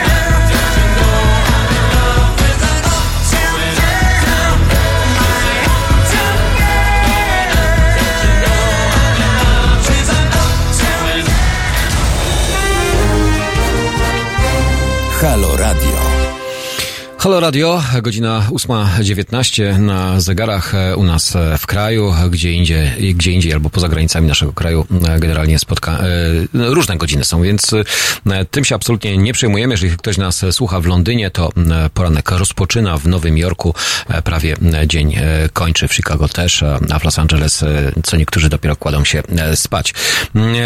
Michał Gabriel napisał na naszym czacie sam fakt konieczności płacenia abonamentu, gdy ma się, gdy nie ma się tego telewizora telewizora jest e, niedorzeczny, e, bo e, co z osobami, które używają go tylko do grania? Napisał albo odpowiedział mu na to jeden z naszych czatowiczów, jak sytuacja wygląda w Wielkiej Brytanii. Brytyjs, rozwiązanie brytyjskie w temacie abonamentu są na miarę XXI wieku. Regulują konsole czy telefony. U nas dalej XX wiek.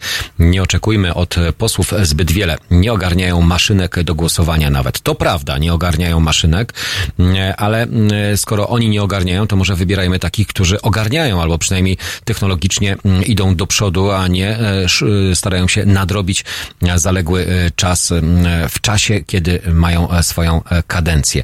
Wykorzystywanie mediów tak zwanych publicznych w takich celach to po prostu okradanie społeczeństwa, szczególnie tej jego części, która nie popiera wykorzystujących te media, pisze Kimer 44 mm, e, ten sposób, czyli jako tubę propagandową, prywatną jednej partii. Tak, zgadzamy się z tym wszystkim i doskonale o tym wiemy, mm, że bez względu na to, kto jest u władzy, kto rządzi, to te media wykorzystuje, powołując prezesa e, mm, telewizji publicznej mm, e, i e, w ten sposób dając przyzwolenie na to, że wiemy, że każde mm, media pod panowaniem czy pod przywództwem danego nominata zawsze będzie bardzo upolitycznione. I tego się niestety nie da w żaden sposób odizolować. A może da się to zrobić? A może jest rozwiązanie, aby ustawowo rzeczywiście rzeczywiście e, to jakoś uregulować. Tylko e, pytanie, jest e, u steru władza, jest u steru partia polityczna, która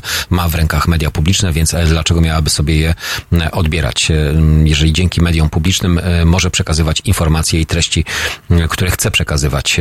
Mamy przed nami wybory prezydenckie, więc taka tuba propagandowa zapewne jest potrzebna, ale to nie tylko przecież media publiczne, ale również inne media przychylne i bardzo bardzo e, no, sprzyjające obecnej władzy, które e, też e, mają za zadanie i mają cel pokazywać tą rzeczywistość nieco inaczej albo po swojemu. Już nie żyjemy w państwie demokratycznym. Media, tak zwane publiczne, jawnie prowadzą nagonkę na opozycję, a szczególnie marszałka Senatu. To rzeczywiście prawda e, i pokazuje nam, e, jaki jest stan e, obecny mediów publicznych. Dlatego ci, którzy nawet mówią, że nie oglądają mediów publicznych, ale i nawet nie płacą abonamentu albo uchylają się od opłacenia abonamentu, no to jest jedna postawa, ale z drugiej strony, jeżeli zostaniemy, no nazwijmy to przyłapani, bo przecież mamy odbiornik telewizyjny czy radiowy w domu, albo jesteśmy podłączeni pod sieć kablową, to jesteśmy łatwo, e, z, znaczy łatwo zweryfikować taką osobę, e, że posiada Mm, odbiorniki, a nie płaci abonamentu, więc y, kara e, może być rzeczywiście dość dokuczliwa i dotkliwa e, dla naszego e, portfela.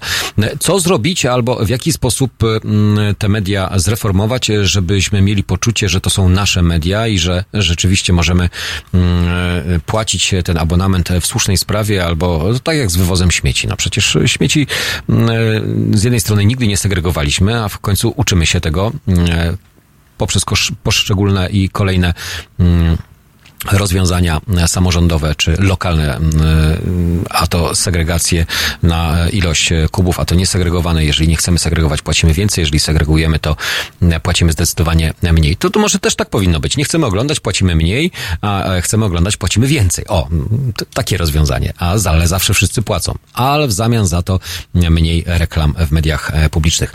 Teraz może już nie o reklamach, ale przejdźmy do naszego porannego przeglądu prasy. Jest prasa, uwaga, e, pojawiła się prasa. Pan z e, prasowni e, przyniósł nam prasę, prosto wyprasowaną. To taki żarcik e, słowny.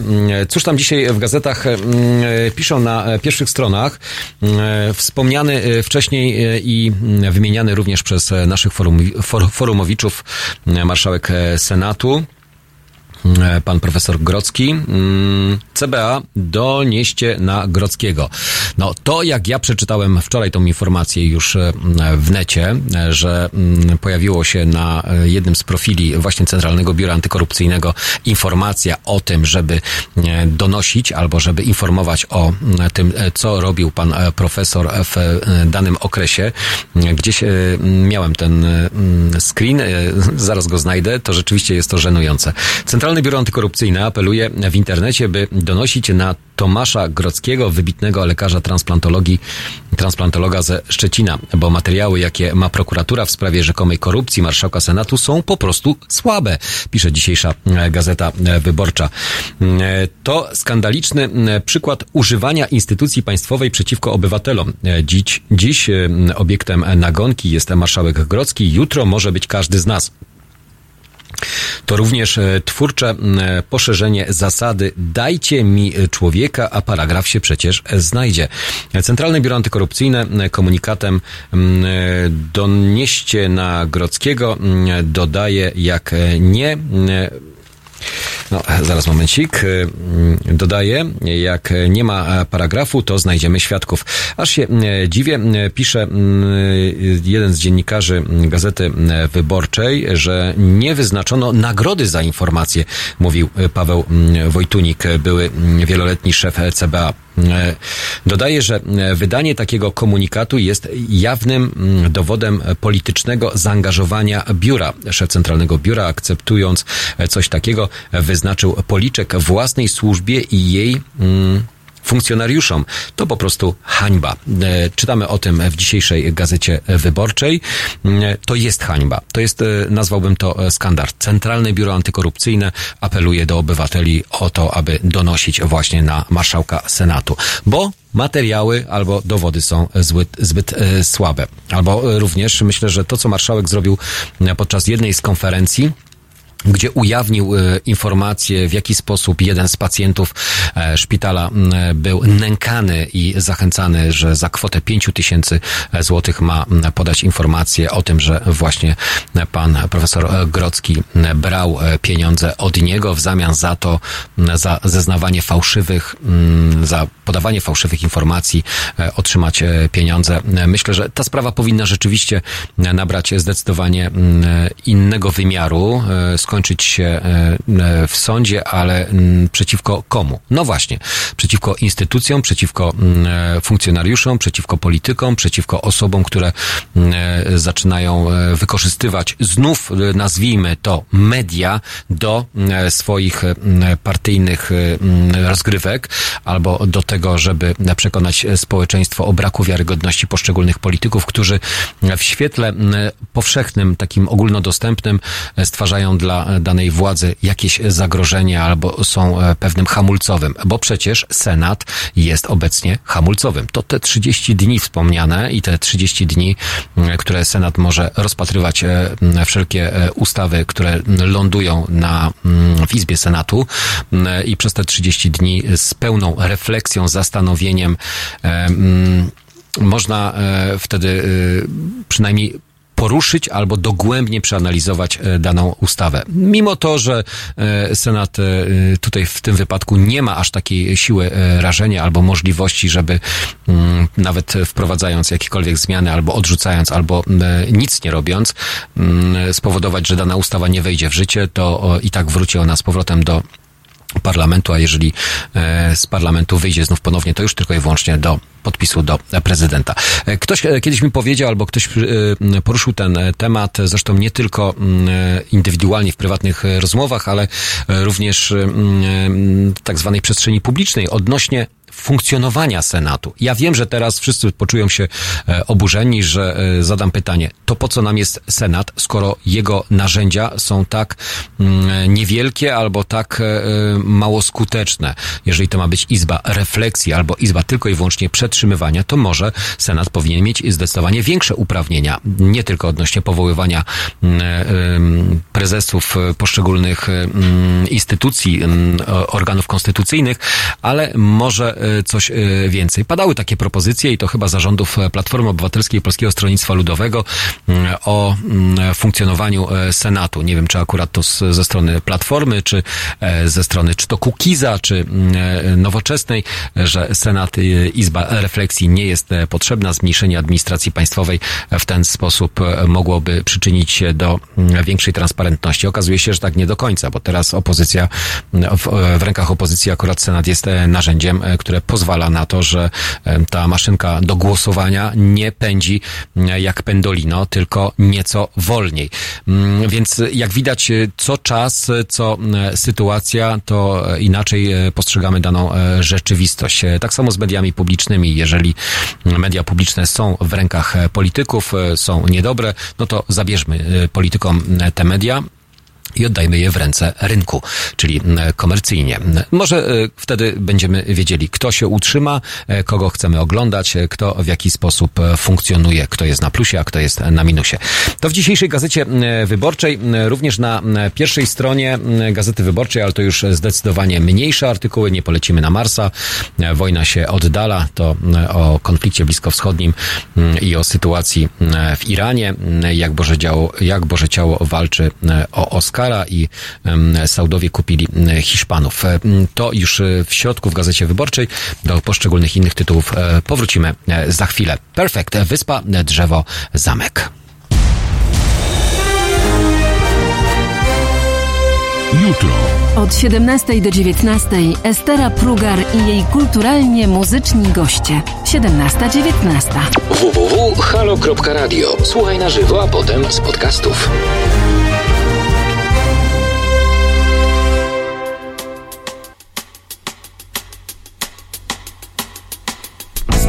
Po dziewczynie. Wyspami została. Dziesięć kroków długa, z piasku była cała. Przywoziłem ziemię, podkradaną z pola. Chciałem ją ożywić, przecież była moja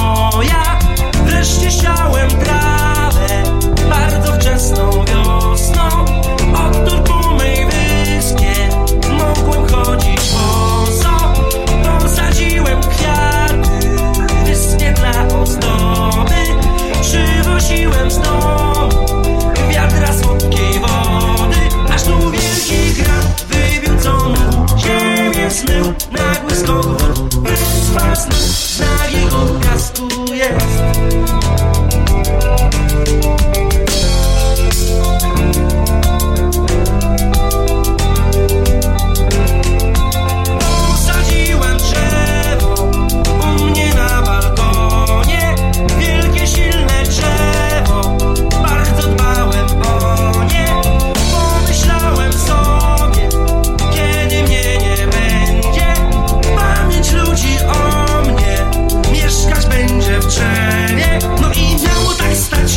tysiąc sto lat Jak posąg mój miało tu trwać? Kiedyś wiatr ze złością wyrwał je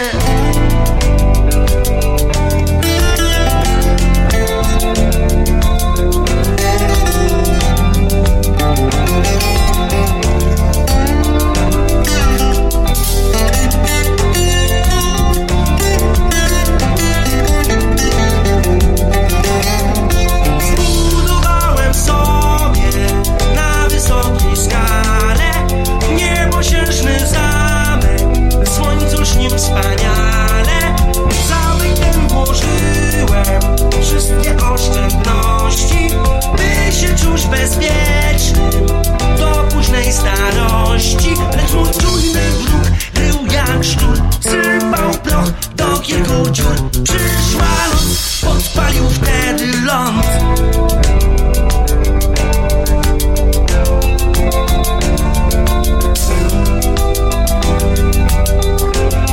I tak wszystko to, czego się tknę.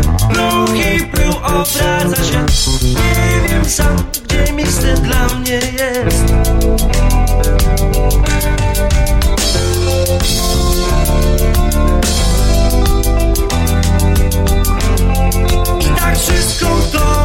niego się tchnę Blond i śmierć obraca się.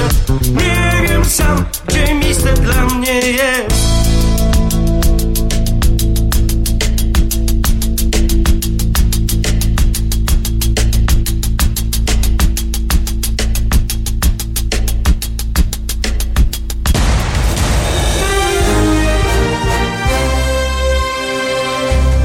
Halo Radio. Gadamy i trochę gramy.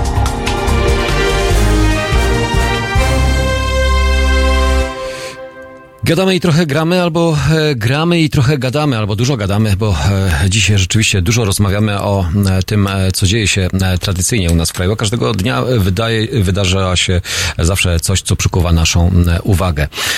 Gdybyśmy spojrzeli na wasze znów ponownie komentarze, bo są tematy, które was nieco bardziej interesują, a są tematy, które już na przykład no, mniejsze budzą wasze zaangażowanie. Większość społeczeństwa nie ogarnia własnego podwórka, pisze Julek, jak mają ogarniać e, posłów. Mamy dokładnie takich reprezentantów, jacy sami jesteśmy. To jest smutna wiadomość albo smutna informacja, to znaczy, że e, nasze zaangażowanie albo e, przynajmniej to, co robimy jest bardzo niewielkie, albo nasza wiara w to, co robimy jest zdecydowanie mniejsza. Może po prostu więcej wiary, a im więcej osób będzie myślało podobnie i bardziej optymistycznie, a nie pesymistycznie. Ja wiem, że zawsze każdy powie, ale ja jestem realistą. No ja też jestem realistą. Mm, dlatego mm, wszelkiego rodzaju sondaże i mm, oceny tego, co się dzieje w naszej przestrzeni publicznej, to nie jest e, tak zwana ocena życzeniowa, że to, co chcielibyśmy, ale po prostu skupiajmy wokół siebie osoby o podobnych poglądach, skupiajmy osoby, które podobnie myślą i niech to e, nie będzie e, jednoosobowe, jednoosobowy przekaz, ale przede wszystkim zdecydowanie liczniejszy. To tak jak właśnie dzisiaj Kasia dzwoniła, mówiła, że jest ulicznicą, czyli osobą wychodzącą na ulicę i protestującą, domagającą się mm, tego, żeby mm, głos został e, usłyszony, usłyszany i mm, żeby osoby zostały zauważone, a niekoniecznie wyśmiewane, czy robiono sobie z nich e, żarty, że wychodzą. Inni siedzą i tylko i wyłącznie komentują, czy inni siedzą i tylko i wyłącznie e, piszą, bo, no bo nie mają potrzeby do tego, aby w inny sposób się aktywizować. To odnośnie tych, którzy nas reprezentują w Sejmie.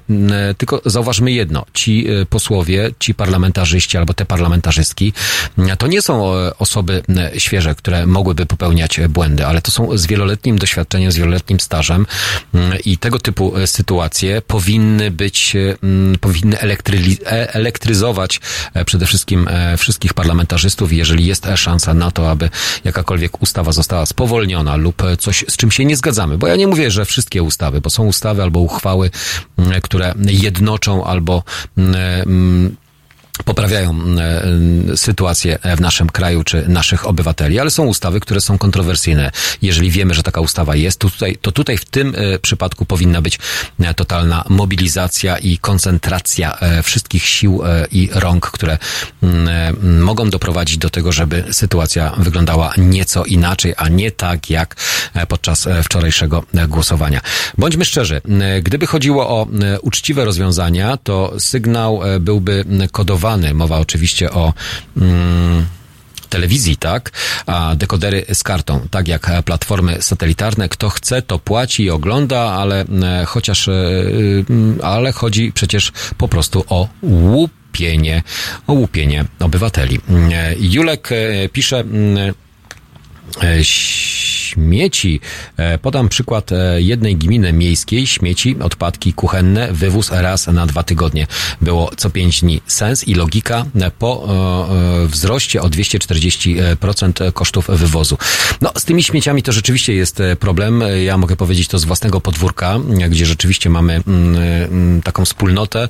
Mieszkamy na wyizolowanym, nazwijmy to zamkniętym osiedlu. Ta izolacja też jest dość śmieszna, ale to chyba tak, taką mamy naturę, że z jednej strony jesteśmy otwarci, jeżeli mieszkamy w centrach miasta, gdzieś na obrzeżach e, zamykamy się, izolujemy się. Nie, to jest po prostu tak, tak takie wybrałem kiedyś osiedle, mieszkam, e, teraz będę zmieniał lokalizację, ale to jakby nie jest tematem e, przewodnim. Chodzi o śmieci i o to, w jaki sposób je selekcjonujemy albo w jaki sposób podchodzimy do tego, uczymy się tego. Ja myślę, że dopiero tego się uczymy i poprzez karanie albo poprzez to, że z jednej strony chcemy wychodzić naprzeciw potrzebom albo tym zmianom, które są wprowadzane. Staramy się selekcjonować, staramy się segregować, ale teraz pytanie, czy ta druga strona również realizuje te obowiązki, które są nałożone na poszczególne samorządy czy na poszczególne gminy, to znaczy wywóz. Ten wywóz, czy jest cykliczny, czy te kosze są, czy kubły, czy pojemniki opróżniane są w sposób systematyczny, czy zawalają nam te miejsca, gdzie wyrzucamy te śmieci. Ja osobiście widzę, że jedne kosze są pełne, a drugie są na przykład puste, tam gdzie mamy tak zwane odpady zmieszane, gdzie mamy odpady organiczne, gdzie mamy plastik, czy mamy papier, czy szkło, to niektóre kosze są przepełnione i one nie są opróżniane. I teraz pytanie, jeżeli ten kosz z odpadami, czy to zmieszanymi, czy z papierem jest przepełniony, to co mamy robić z tymi pozostałymi elementami, które już nie ma gdzie ich wyrzucać? Kładziemy obok, zaśmiecając, a puste kosze obok stoją. No, to kwestia logistyki albo odpowiedniego zaplanowania z jaką częstotliwością e, albo e, jak często powinny dane śmieci być e, wywożone. To chyba nie jest trudne, skoro wiemy, że pewne, pewna liczba śmieci jest większa, a druga jest mniejsza, no to tylko kwestia częstotliwości przyjazdu. Wiadomo, że możemy oddolnie apelować, możemy wnioskować, ale czy to coś pomoże? Może tak, może nie, ale próbować trzeba. Jeżeli sami tego nie zmienimy, albo sami nie będziemy mieli wpływu na to, co robią inni, to e, my tego nie zmienimy. Możemy krytycznie do tego podchodzić, możemy oczywiście mówić o tym, że mm, faktycznie mm, jest problem, e, ale ktoś go za nas nie rozwiąże to my starajmy się również wpłynąć na to, aby e, ktoś poprawił nam nasz los. E, zmiany w opłatach e, proponowane przez radnych otrzymałem opatrzone komentarzem, iż czyni się to innymi w trosce o rodziny wielodzietne. To w związku z, ze zmianami opłat za wywóz śmieci. No to tak samo jak politycy sugerują, że akcyzy, które są podniesione w kwestii czy to papierosu, czy alkoholu, to też dla dobra naszego, abyśmy mniej pili mniej palili i bardziej dbali o swoje zdrowie. E, Kimer 44. Do tej pory rodzina 4 mm, i więcej osób, 37 zł miesięcznie, po zmianach 64 zł miesięcznie, niezależnie od ilości osób, e, gdzie ta troska. No to najlepsze rozwiązanie mają ci, którzy mieszkają w domach, płacą za jeden e, budynek bez względu na to, jaką mają liczbę mieszkańców. Można mieszkać samemu, płacić około 90 chyba złotych, w zależności od regionu i od e, gminy, czy samorządu, czy od e, cennika, ale w tym domu na przykład może mieszkać 15 osób, e, a cena jest, pozostaje niezmienna i taka sama. A generowanie śmieci zdecydowanie większe. A czy nagonka na senatora Grockiego, pisze Robert Wężyk. Panie Jacku, a czy nagonka na senatora Grockiego nie ma przykryć raportu Getback, Getbacku, który za chwilę będzie ogłoszony? Pewno jest jakieś drugie dno. Ja e, sobie inną teorię uszyłem na ten temat odnośnie samego senatora, bo senator jest jedyną, mm, marszałek Senatu e, jest jedyną osobą, która rzeczywiście po raz e, może nie pierwszy, ale chyba z tak dużą częstotliwością wykorzystuje swoje możliwości w mediach publicznych, a to dwukrotne już wystąpienie tak zwane orędzia marszałka Senatu, które moim e, e, zdaniem myślę, że w większości też były bardziej konsolidacyjne niż e, pobudzające czy budzące jakiekolwiek wątpliwości, ale nie, ale nie podoba się to absolutnie ekipie rządzącej, więc o dziwo nagle ni stąd, ni zowąd zaczęto się interesować właśnie panem profesorem, doszukując się i próbując przede wszystkim budować wokół niego taki brak zaufania, że wszystko to, co robi pan mm, e, marszałek, e, jest mm, podszyte pewną fałszywością. E, no tak przynajmniej w przekazie medialnym tych mediów publicznych to jest wyczuwalne, bo przecież nawet sprowadzenie komisji, o proszę bardzo, sprowadzenie komisji weneckiej zostało znaczy postrzegane jest przez obecną władzę jako coś, co absolutnie nie należy do marszałka Senatu. To nie marszałek Senatu powi, po, powinien powoływać różnego rodzaju instytucje, organy, które przyglądają się naszej praworządności. Wczoraj pojawiła się Komisja Wenecka w naszym kraju i nawet nie otrzymała ani żadnej sali w Sejmie, ani nie spotkała się pani marszałek Sejmu czy przedstawiciele obecnej władzy. To tak na zasadzie, jak to oni komentują, przyjechała sobie grupa e, osób, która e, będzie się przyglądać. No, jest to śmieszne i jest to kpina. Mm, Kimer mm, pisze, mm, to ironia, rząd scedował na samorządy płacenie za własne pomysły i dlatego podnoszą składki. Samorządowcy, troska o rodziny wielodzietne równa się 500 plus. Opozycja jest daleka od tworzenia modelu społeczeństwa obywatelskiego, pisze Andres Stołp.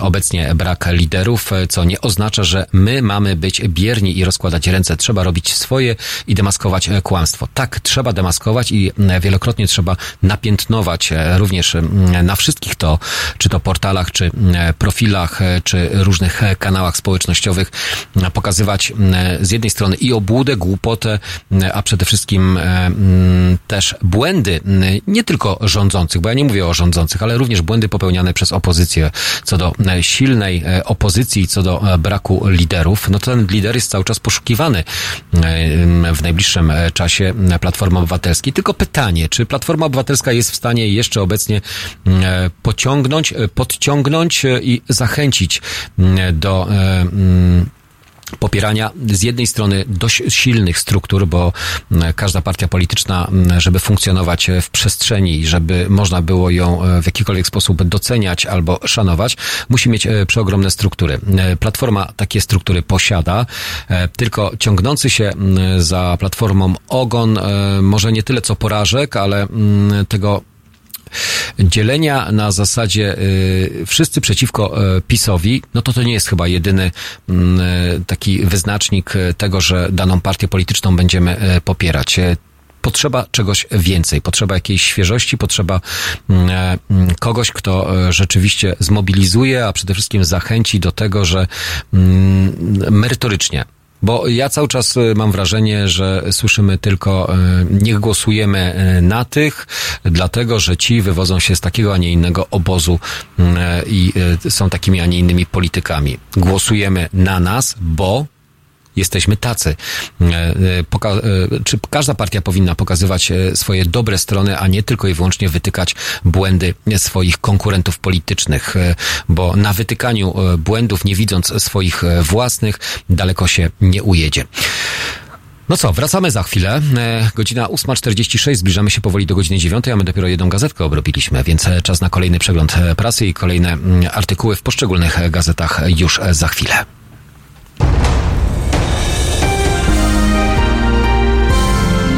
We wtorek.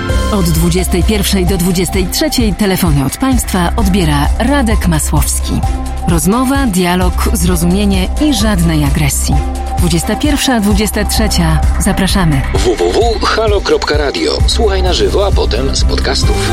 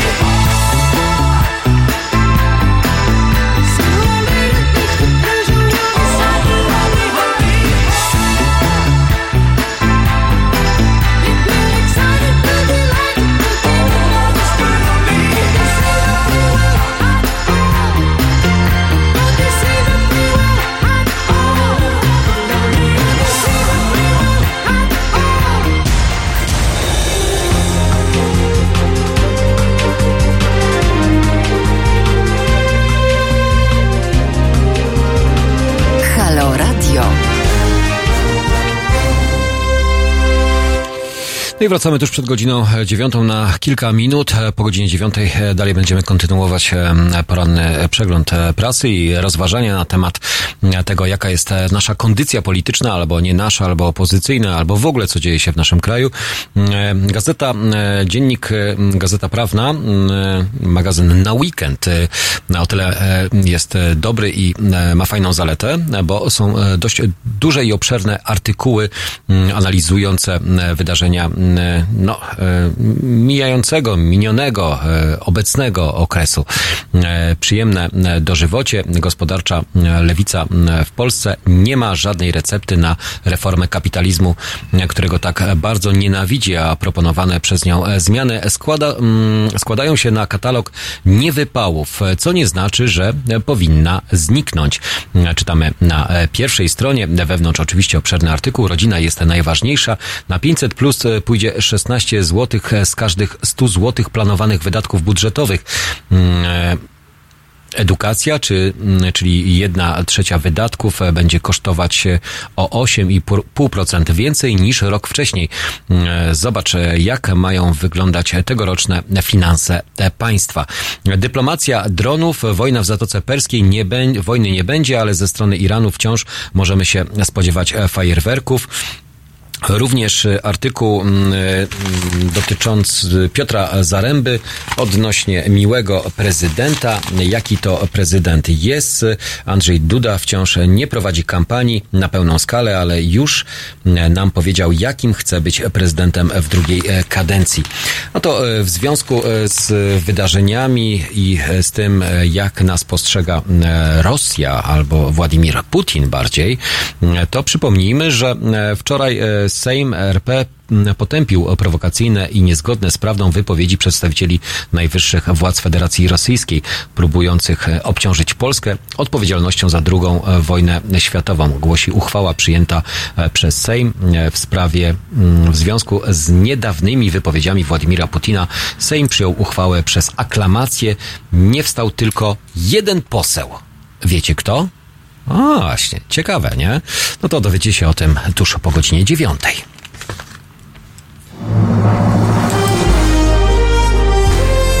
Halo Radio. Nazywam się Tomasz Sekielski.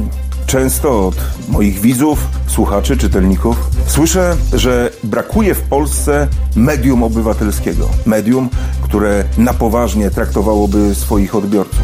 Medium, z którym odbiorcy mieliby kontakt. Medium, które reagowałoby na to, co myślą, co mówią, co piszą, co robią jego odbiorcy.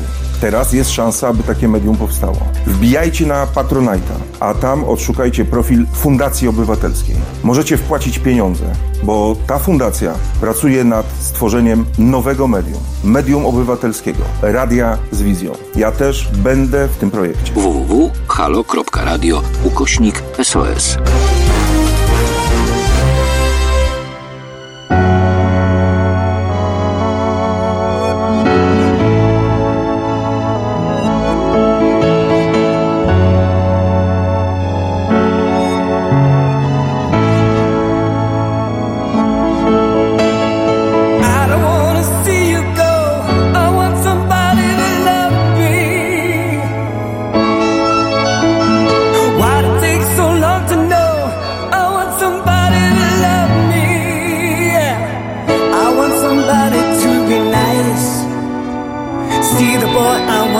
in my eyes. Nobody's gonna save my life.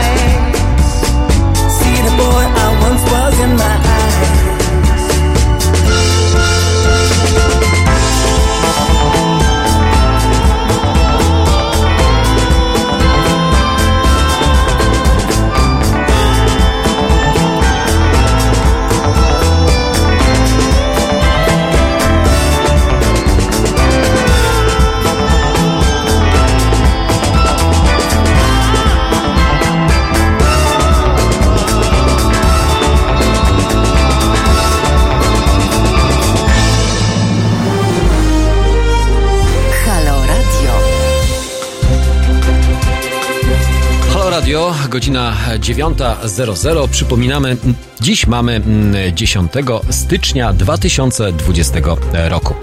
No, skoro e, rozmawialiśmy o uchwale, która została tuż przed godziną 9 mm, podjęta przez aklamację, no to za chwileczkę powiemy, kto już nie wstał jako jeden z posłów.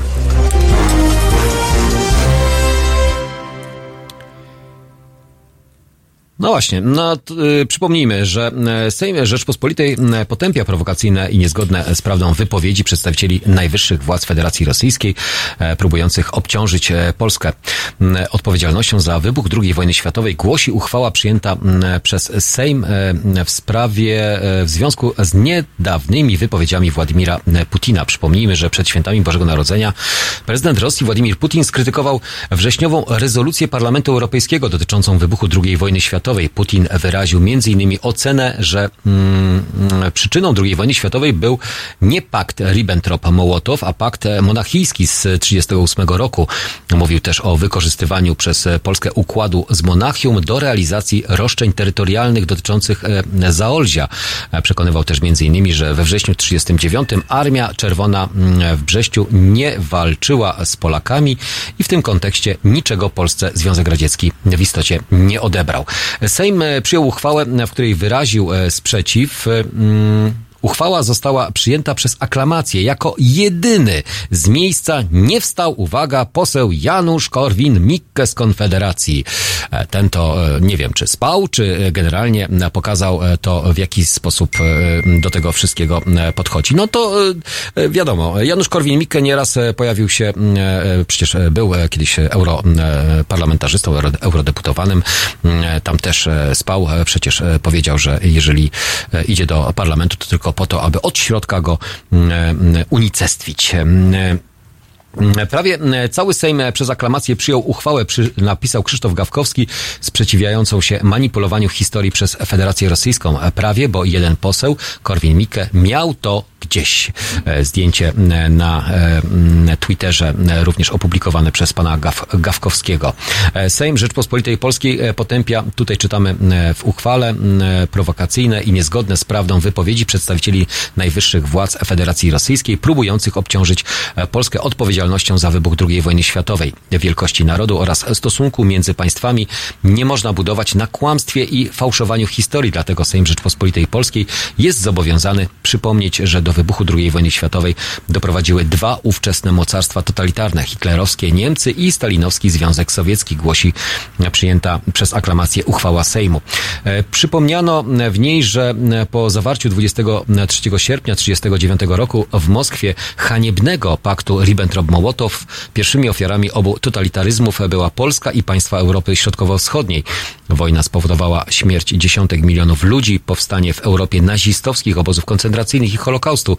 Jedną e, z największych zbrodni w dziejach ludzkości nie kwestionuje mm, się, że narody e, Związku Sowieckiego poniosły ofiarę w walce z trzecią Rzeszą. Niestety nie przyniosło to państwom Europy Środkowo-Wschodniej niepodległości, suwerenności, a ich mieszkańcom poszanowania praw człowieka, czytamy e, w uchwale. Jak zaznaczono, sowiecki totalitaryzm zwracał się też przeciw własnym obywatelom, wśród których byli Rosjanie. Sejm Rzeczpospolitej Polskiej nie godzi się na powrót do imperialnych fałszerstw, które cofają dialog historyczny władz Rosji z innymi narodami. Sejm Rzeczpospolitej Polskiej składa hołd ofiarom nazistowskiego i sowieckiego totalitaryzmu i wyraża pragnienie, żeby historia ich męczeństwa nigdy nie była fałszowana i traktowana instrumentalnie, podkreślono w uchwale. Sejm Rzeczpospolitej Polskiej apeluje o wspólną refleksję nad zasadami budowania stosunków międzynarodowych, które powinny być podstawą wzajemnego szacunku, partnerstwa i dobrego sąsiedztwa. To komentarz, który Mm, również e, czytamy na stronach internetowych, więc e, tutaj e, kwestia sprawy dotycząca Korwina. Gregory House napisał Janusz Korwin-Mekka. No dobra, mm, okej, okay. niech tak pozostanie. Zdecydowanie należy poprzeć profesora Grodzkiego, to jeszcze w kontekście tego, o czym, mm, do, o, czy, o co apeluje Centralne Biuro Antykorupcyjne. Ja znalazłem tą informację, która pojawiła się na portalach społecznościowych cba.gov.pl apeluje do osób, które dały się uwikłać w korupcyjny proceder i wręczały korzyści majątkowe o zgłaszanie się do szczecińskiej delegatury biura. Chodzi o śledztwo dotyczące korupcji w szczecińskim szpitalu CBA, głosi apel. To w kwestii tego, co CBA próbuje zrobić, apeluje do świadków ze szpitala i wykorzystuje media społecznościowe, bo samo poradzić sobie nie może, albo przynajmniej wiarygodność świadków, tych, którzy już jakby gdzieś informują o nieprawidłowościach, jest no, niezbyt wiarygodna albo rzetelna. To rzeczywiście jest dość, nazwijmy to, irytujące albo dość kłopotliwe, więc myślę, że tego typu e, sprawy powinny być e, rozwiązywane całkowicie na innej e, płaszczyźnie. Mm, MSZ Rosji komentuje sprawę uchwały, bo jak już uchwała została podjęta, no to zaraz mamy odzew ze strony Ministerstwa Spraw Zagranicznych rosyjskich. Rzeczniczka rosyjskiego MSZ-u Maria Zacharowa stwierdziła, że uchwała polskiego Sejmu w sprawie wypowiedzi władz Rosji na temat II wojny światowej mm, tworzy wrażenie, że jak w czasach inkwizycji naukę e, uznano za herezję.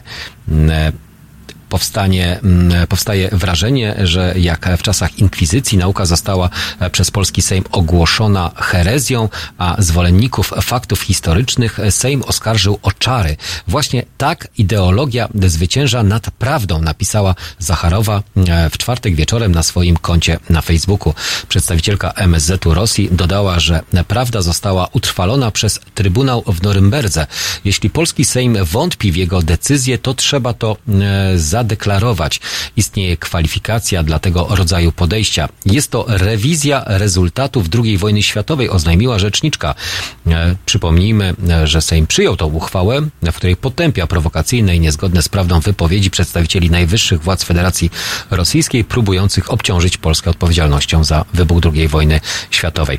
E, jak w dokumencie przyjętym przez aklamację wyraźne mamy stanowisko władz jedno jednomyślność i e, brak różnic e, w zdaniach, ale e, okazuje się, że co do tego, czym mm, zajmuje się Ministerstwo Spraw Zagranicznych rosyjskich i w jaki sposób postrzega tą prawdę.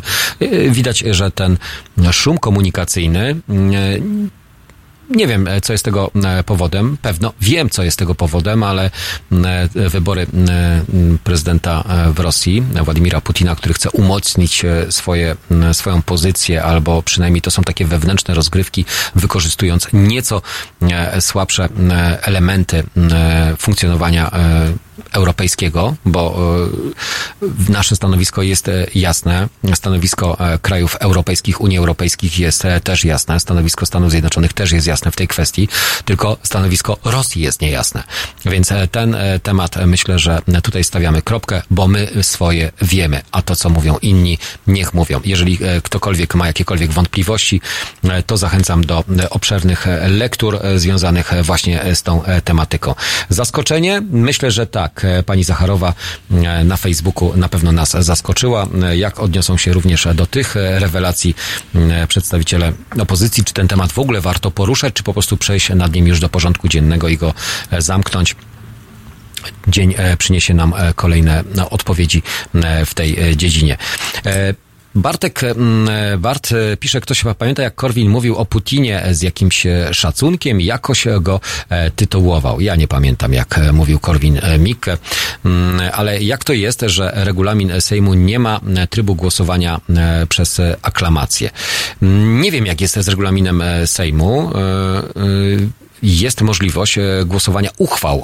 E, to jest uchwały, e, one są szczebla niższego. Uchwała do niczego nie zobowiązuje, tylko wyraża opinię parlamentarzystów. To nie jest ustawa, więc uchwałę można poprzez aklamację jednomyślnie głosować. Więc myślę, że tutaj akurat kwestia uchwały, czy ona jest w regulaminie, czy nie, musiałbym zajrzeć do regulaminu. To pani marszałek Witek, myślę, że w kwestii regulaminu zna się się chyba najlepiej. Korwin nie wstał, bo przecież należy mm, poprzeć swoich wschodnich sponsorów. Inna sprawa to dlaczego na czele neofaszystów maszeruje Adrian. E, to o wydarzeniach mm, sprzed dwóch lat chyba, bo nie o wydarzeniach ubiegłorocznych Marszu Niepodległości. Kwestia decyzji, myślę, że już mamy to za sobą. 9.10 na zegarach. My wracamy do Was dosłownie za chwilę.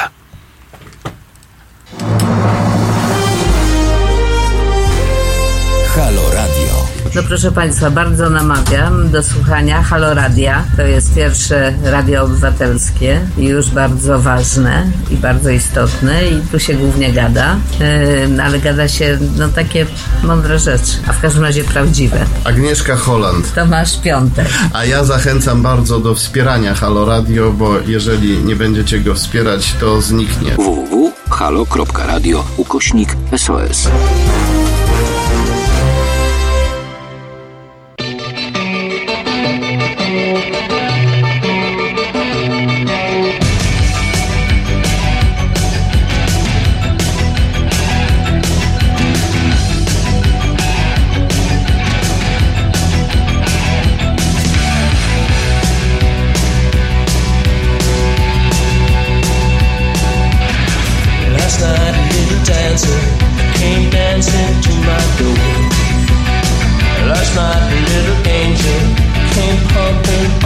flor.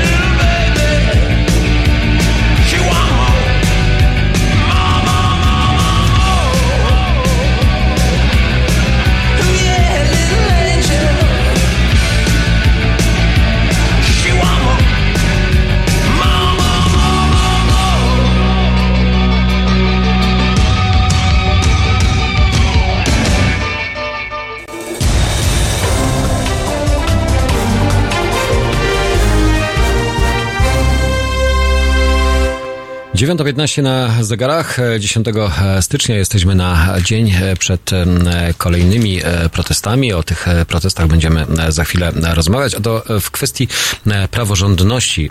Mowa oczywiście o marszu tysiąca tuk w Warszawie jutro o godzinie 15. Ale to w nawiązaniu do już od wczoraj wizyty Komisji Weneckiej. Dzisiejszy fakt zapytał obywateli, czy w Polsce mamy praworządność.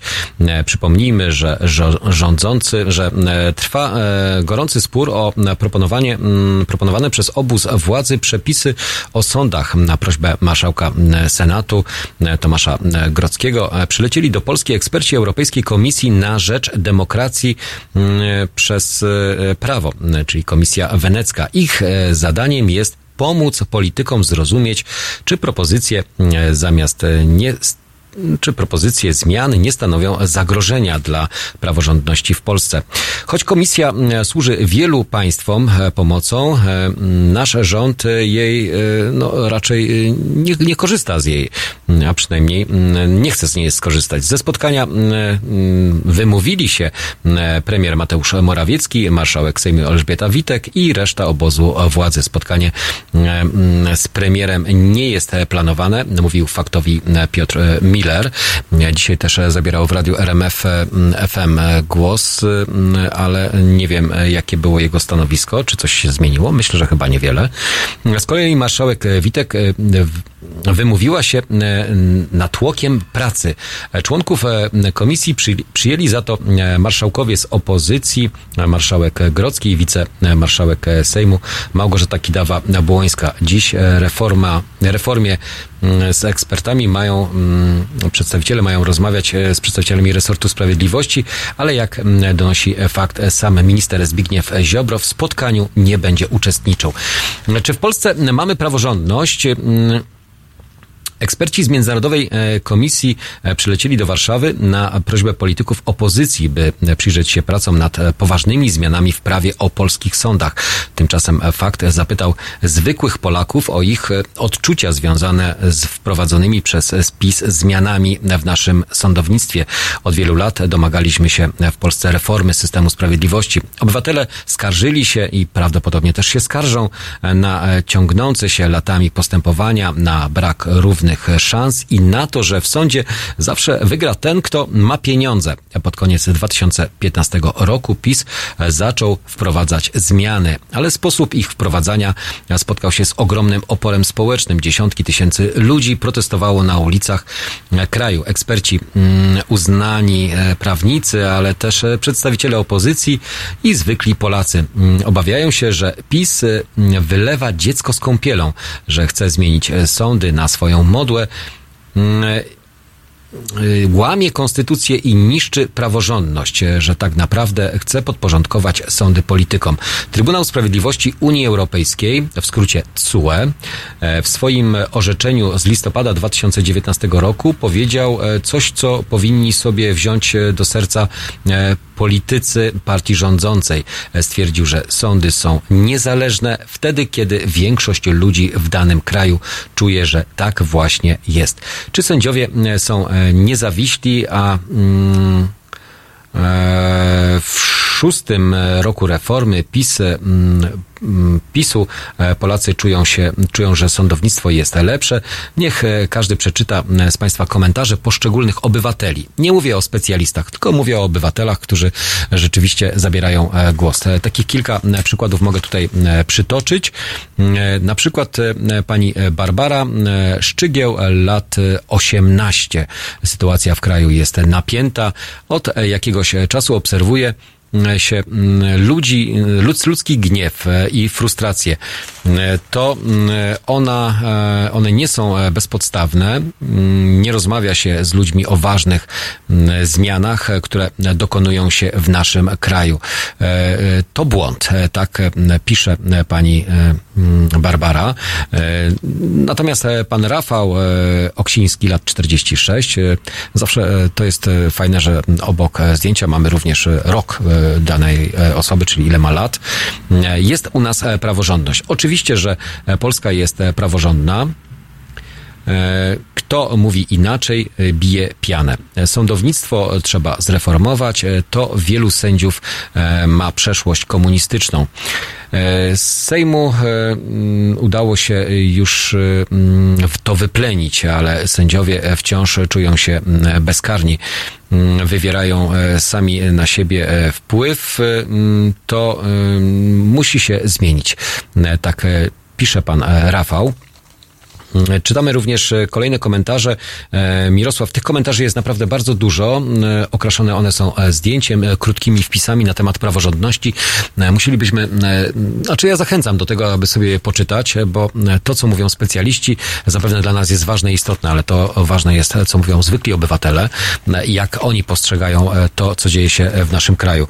Czy rzeczywiście problem z praworządnością jest problemem, który jest problemem, który powinien być szybko rozwiązany? Związany przy udziale instytucji międzynarodowych, jak i również, jak to mówi rządzą, jak, jak to mówią rządzący.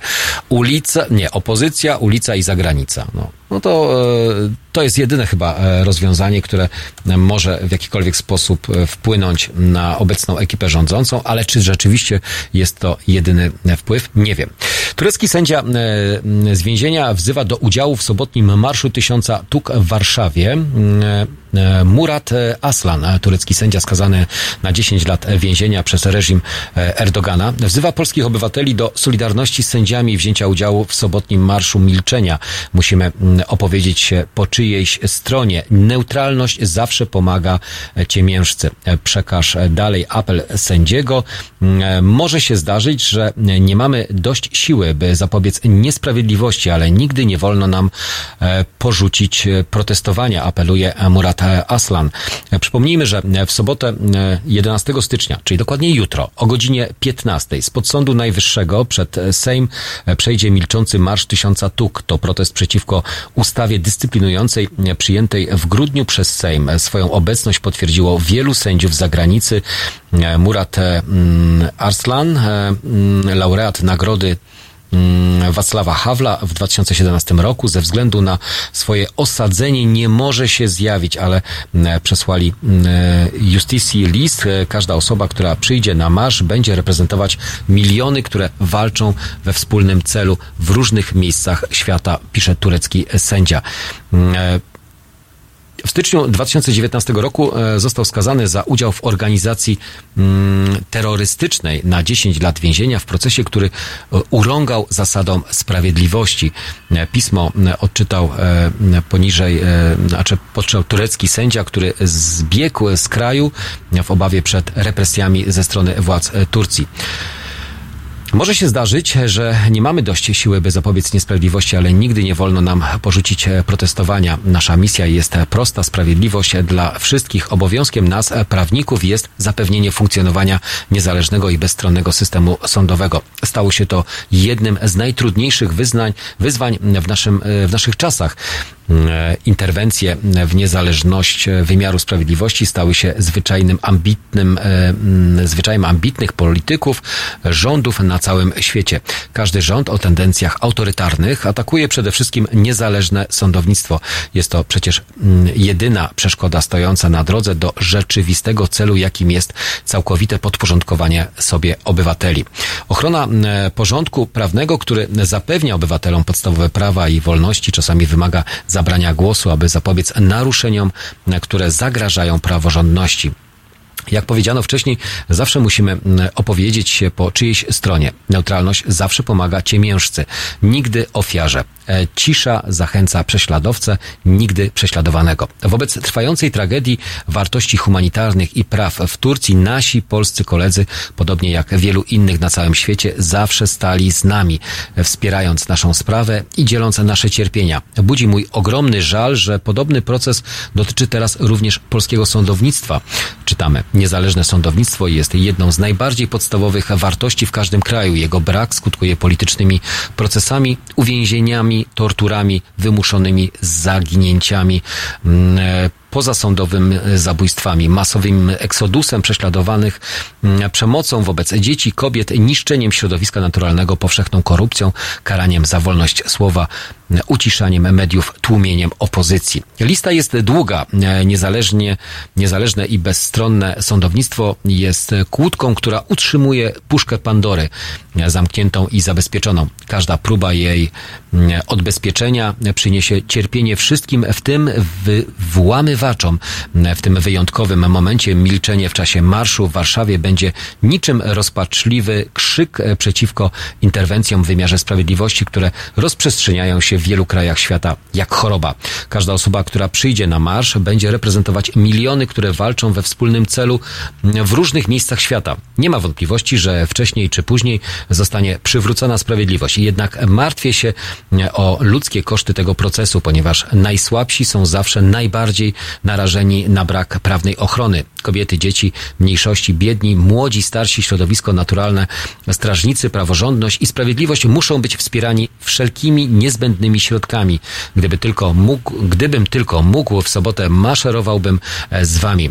Czytamy. Z powodu mojego uwięzienia nie jest to jednak możliwe. Mimo to zdecydowanie wzywam każdego, kto przestrzega tych samych zasad co ja, by poszedł w marszu i przyłączył się do walki o humanitaryzm i sprawiedliwość.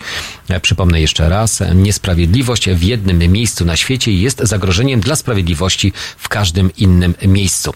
Przypomnijmy jeszcze raz, w sobotę 11 stycznia o godzinie 15 pod, spod Sądu Najwyższego w Warszawie przez krakowskie przedmieście pod Pałacem Prezydenckim aż do Sejmu i Senatu przejdzie Marsz Tysiąca Tuk pod hasłem Prawo do niezawisłości, prawo do Europy.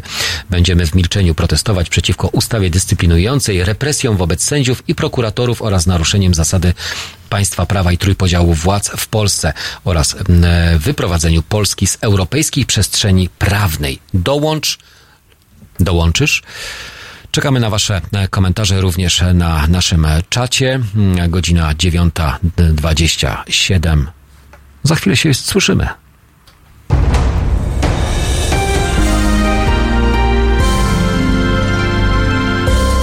Czwartek od 19 do 21. Muzyk, animator życia kulturalnego, społecznik, a przede wszystkim świadomy obywatel Tomek Konca i jego fantastyczni goście. 19.21. www.halo.radio. Słuchaj na żywo, a potem z podcastów.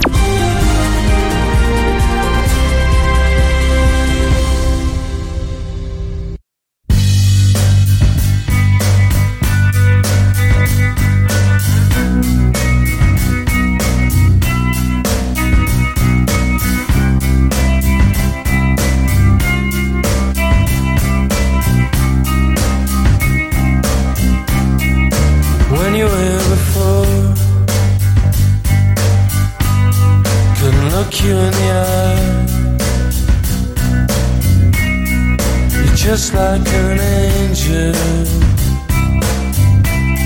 Your skin makes me cry. You float like a feather in a beautiful world. I wish I was special You're so fucking special.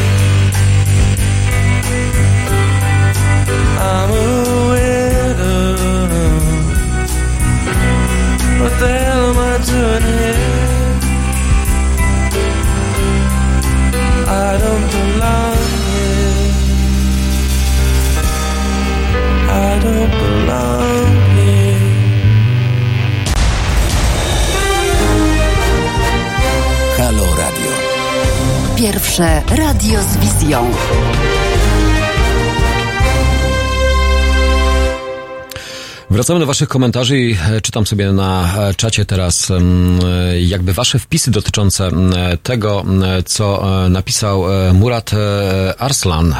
Przypomnijmy, że Murat Arslan od 2011 roku był przewodniczącym Tureckiego Stowarzyszenia Sędziów Prokuratorów. Stowarzyszenie rząd Turcji zdelegalizował w lipcu 2016 roku w ramach represji po nieudanym zamachu. Oprócz Jarsaf, bo tak się nazywa to stowarzyszenie, przymusowo zamknięto ponad 2000 innych instytucji, takich jak Stowarzyszenie działające na rzecz wolności słowa, praw kobiet, prywatne szkoły, uniwersytety, związki zawodowe, a nawet szpitale i organizacje charytatywne. Oficjalnym powodem były rzekome kontakty tych organizacji mm, z mm, Fethullahem Gualenem, którego reżim Erdogan mm, oskarża o inspirację zamach, inspirowany zamach e, stanu. Sędziowie byli jedynymi zrepres zrepresjonowanych. Według raportu organizacji prawniczych sporządzonych dla ONZ-u zwolniono 4260 sędziów i prokuratorów, a 634 spośród nich skazano za terroryzm. Jednym z nich jest właśnie Murat Arslan, który wyrok 10 lat więzienia usłyszał w styczniu 2019 roku. W areszcie przebywał od października 16 roku specjalny sprawozdawca do spraw niezależności sądów i prawników działających przy ONZ alarmował, że proces, w którym skazano sędziego, nie był transparentny i pogwałcono w nim prawne gwarancje obrony. Wzywał władze Turcji do zapewnienia sędziom sprawiedliwej apelacji. Gdy czytamy komentarze dotyczące, czy w Polsce mamy praworządność, a z drugiej strony, gdy apelujemy albo gdy też staramy się zmobilizować społeczeństwo do tego, aby aktywnie brać czynny udział w wyrażaniu swojego zdania, swojej, swojego zadowolenia, niezadowolenia, dezaprobaty wobec tego, co robi obecna władza, no to później widzimy, jakie są reakcje, czy jaka jest frekwencja. Czy to frekwencja jest rzeczywiście, czy ona ma wpływ ja wrócę do dzisiejszego telefonu Kasi, że rzeczywiście jest ważnym elementem ta nasza aktywność i to, żeby jednak pokazywać się właśnie czy na ulicach, czy podczas protestów, mówiąc, że coś się złego jednak dzieje. Nawet e, przybycie i pojawienie się Komisji Weneckiej świadczy o tym, że wszelkie wątpliwości, które jednak są, są uzasadnione. Mm, wyborcy PiSu nawet nie wiedzą, co oznacza słowo niezawisły, niezawiśli, e, pisze Gregory House. E, Bartek, dlaczego my to tak um, górnolotnie nazywamy łamanie konstytucji, niszczy mm, praworządność. To jest e, prostsze. PiS e, szykuje sobie grunt do bycia bezkarnym. Jak e, zajmą wszystko, nikt ich nie tknie. Praworządność jest już całkowicie zachwiana, pisze natomiast André. Rządzący chcą modelu stalinowskiego. W obecnej chwili należy poprzeć bezwzględnie marsz sędziów. To obowiązek wolnych i myślących obywateli. Ilu polityków Koalicji Obywatelskiej będzie na tym marszu? Bo patrząc po zapowiedziach, to wielu. My w milczeniu protestujemy, gdy rozmontowują państwo we Francji, się tłuką, gdy grzebią przy emeryturach. Każdy, kto żył w PRL-u powinien pamiętać ten wymarzony przez dojną zmianę system partyjnej sprawiedliwości wspierany policyjną pałką. To są wasze komentarze na naszym czacie. Jeszcze w kwestii marszu jest jeszcze sprawa, która jest komentowana również przez przedstawicieli środowisk sądowniczych, czy sędziowie mogą w ogóle protestować w togach. Uwaga, następna rozkminka, pytanie, które padło dotyczące jutrzejszego marszu. Na portalach społecznościowych pojawiają się głosy, że protest w togach narusza przepisy. To opinia jednego z członków nowej KRS, czyli tego neo-KRS-u. W sobotę ma odbyć się marsz, na którym sędziowie, adwokaci, prokuratorzy mają protestować przeciwko ustawie kagańcowej, która błyskawicznie e, przeszła przez Sejm. Wiele osób, które przejdą, e, przyjdą protestować, chce wziąć ze sobą e, togi. Przypominam, że na marszu tysiąca tuk sędziowie i prokuratorzy nie powinni brać strojów służbowych używanych na salach rozpraw. Napisał na Twitterze sędzia Maciej Nowacki, członek Krajowej Rady Sądownictwa. Warto przypomnieć, że to on w listopadzie 2019 roku zawiesił w orzekaniu sędziego Pawła Juszczyszyna. Co wolno sędziemu? Pod wpisem sędziego Nowackiego w sprawie protestowania w togach pojawił się, pojawiło się szereg komentarzy, między innymi adwokata Konrada Pogody, a to, że niby togi nie mogą ubrać e, albo e, przez ramię przełożyć, e, to się panu sędziemu marzy. Totalitaryzm napisał mecenas mm, w kwestii odniesienia do tego, co powiedział przedstawiciel mm, NeoKRS-u. Zdaniem rzecznika Sądu Najwyższego, sędzia, mm, sędziego Michała Laskowskiego, który podkreśla, że to jego własne zdanie w proteście z togą nie ma niczego niestosownego, co mogłoby skutkować postępowaniem dyscyplinarnym. A takie pytanie na Twitterze też się pojawiają, czy, uży, czy użycie togi będzie skutkowało wszczęciem postępowania dyscyplinarnego, a wiemy jak Izba Dyscyplinarna funkcjonuje i co na ten temat e, wypowiedział się CUE i wypowiedział się Sąd Najwyższy. Zmian, e, pisze jeden z czatowiczów, e, komentatorów, mm, że może to mieć znamiona przestępstwa z artykułu 231 kodeksu karnego. Rzecznicy już e, e, w boksach startowych, znak zapytania. Nie ma mowy o podstawach odpowiedzialności dyscyplinarnej za to, że zabierze się togę na tego typu marsz. Można byłoby się jedynie zastanowić, czy należałoby togę mieć na sobie ubraną, czy ewentualnie nieść ją na ramieniu i w ten sposób zaakcentować swoją przynależność przynależność do stanu sędziowskiego, mówił sędzia Laskowski, dodając, że sam pójdzie w Marszu Tysiąca Tuk ze swoją togą przewieszoną przez ramię. Chcemy pokazać społeczeństwu, że to my, sędziowie, bierzemy udział w tym marszu i żeby to zrobić, wyróżniamy się atrybutem w postaci togi, wyjaśnia. Wiem, że pojawiły się głosy, że założenie togi na kurtkę może nie odpowiadać powadze tego stroju, ale co trzeba e, podkreślić, nie ma nigdzie wprost zakazu noszenia togi poza salą rozpraw. To jest kwestia indywidualna i indywidualnej interpretacji tych przepisów, podkreśla przedstawiciel e, mm, Justicji, sędzia Agnieszka e, Straup-Cegiełko z Sądu Rejonowego w Lublinie.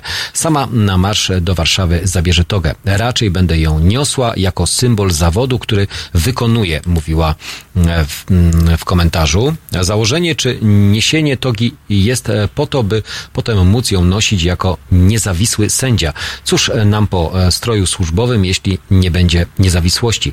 Togi nie będą nam już wtedy potrzebne, uważa sędzia Monika Płoska, Pecio z Lublina. O proteście w togach pytany był też mecenas Maria Eichhardt-Dubois z inicjatywy Wolne Sądy. W jej ocenie wzięcie ze sobą togi nie może stanowić podstawy do wszczęcia postępowań dyscyplinarnych.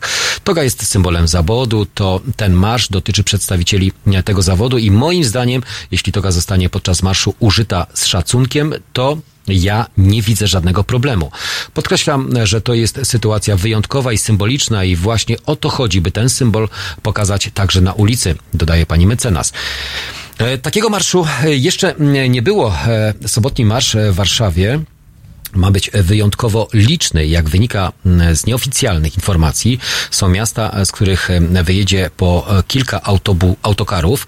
E, zapowiada się więc mm, więcej e, uczestników niż podczas ostatniego sędziowskiego protestu. Przypomnijmy, e, który miał miejsce 1 grudnia w ubiegłym roku. Zainteresowanie rzeczywiście jest większe. Część sędziów, prokuratorów, wiedząc, że ustawa kagańcowa przeszła już przez Sejm, teraz jakby się obudziła. Nie chcą się na nią zgodzić zgodzić, bo wiedzą, co ona w praktyce oznacza, dlatego wyjdą na ulicę. Niejednokrotnie po raz pierwszy E, mówią e, rozmówcy. Warto podkreślić, że udział w Warszawie i warszawskiej manifestacji zapowiedzieli też sędziowie nie tylko e, z kraju, ale również spoza granicy, gdzie jest ogromne wsparcie, między innymi z Irlandii i z Holandii. Widzimy różnego rodzaju wpisy i również fotografie, które no, pokazują to, że e, wsparcie ze strony wymiaru sprawiedliwości innych krajów europejskich e, też jest po stronie protestujących albo domagających się praworządności w naszym kraju albo odpowiednich regulacji mm, naszych e, sędzi i przedstawicieli Palestyny. Chcą okazać wsparcie polskim sędziom, sędziom. Przyłącz się do tej akcji, przyłącz się do tego marszu, Marsz Tysiąca Tuk już jutro o godzinie 15. Zachęcamy.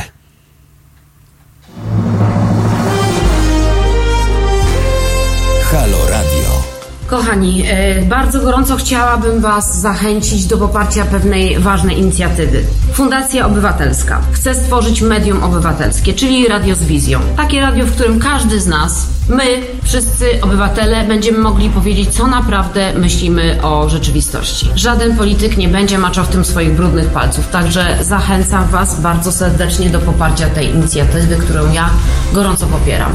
Niech powstanie medium publiczne. Pozdrawiam, Aleksandra Popławska. www.halo.radio ukośnik SOS.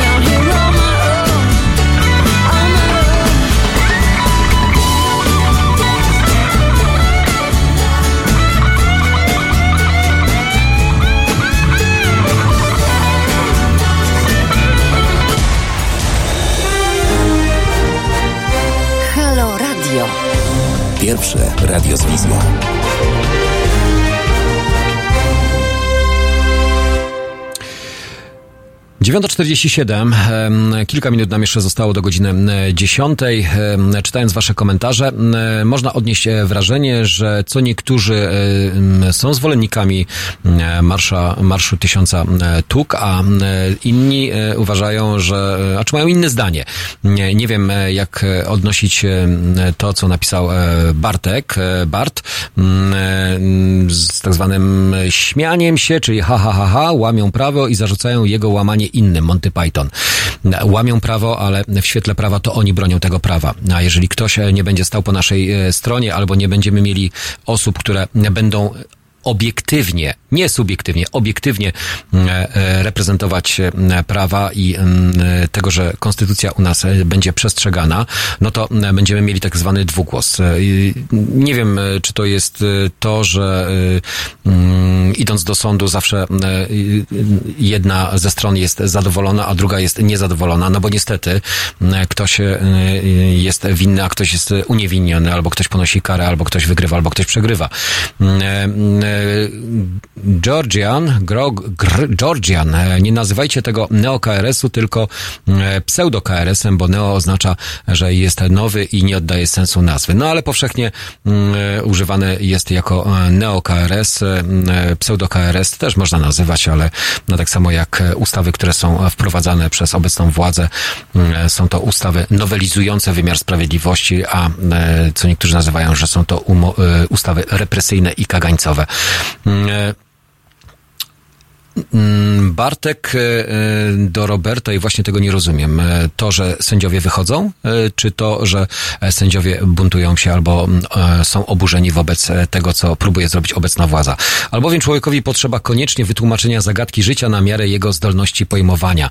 Mm, zapewne tak, mowa o edukacji i mowa o powszechnej wiedzy. Tylko kto ma nas reprezentować w dziedzinie prawa, jeżeli nie jesteśmy prawnikami? Musimy przynajmniej zaufać części społeczeństwa, albo zaufać e, tym, e, którzy w danej materii mają zdecydowanie większą wiedzę niż my. My jesteśmy e, z jednej strony bardzo mm, takimi biernymi obserwatorami, ale możemy czynnie brać udział w różnego rodzaju manifestach, manifestacjach, protestach, marszach, czy wyrażać swoją opinię. Nie można ubrać togi, można ubrać się w togę. Brawo, tak, oczywiście, zgadzam się.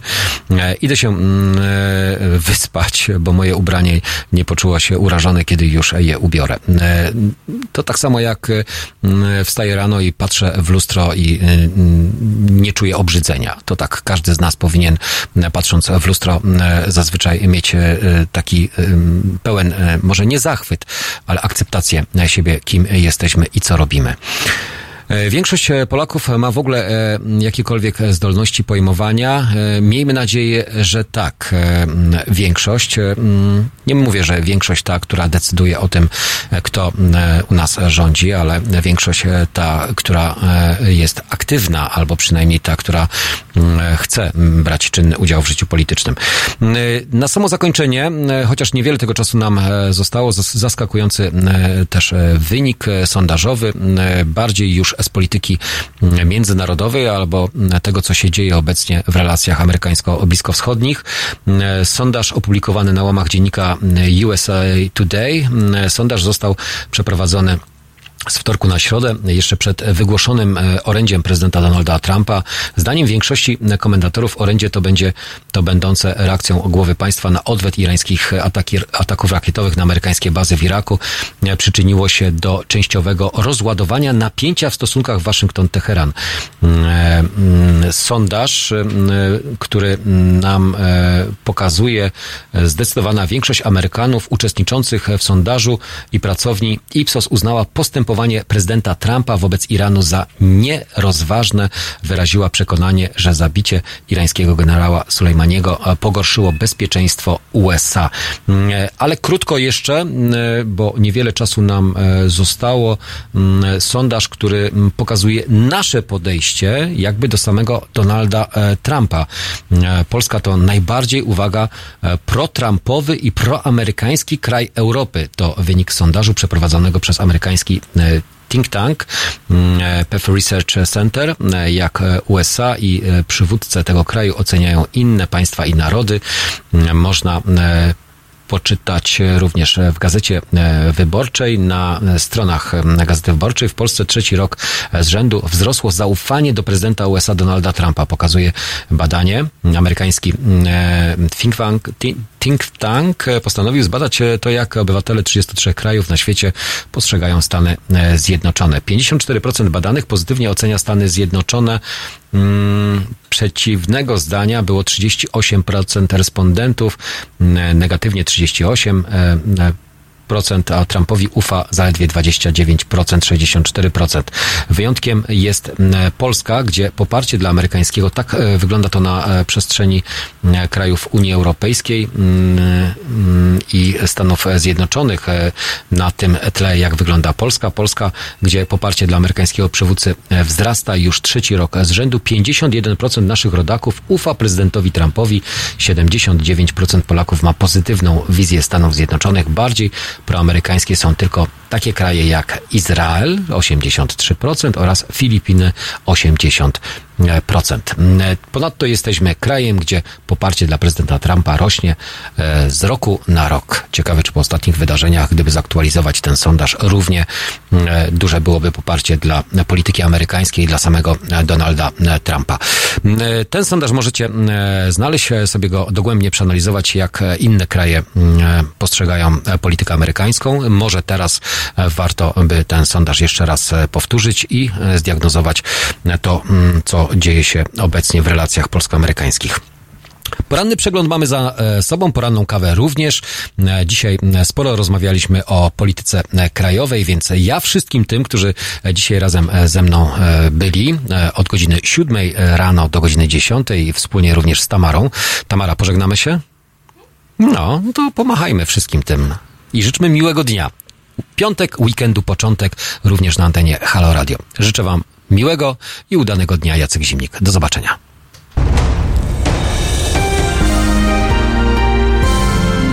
W niedzielę.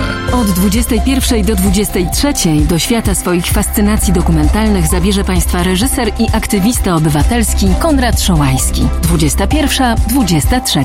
www.halo.radio. Słuchaj na żywo, a potem z podcastów.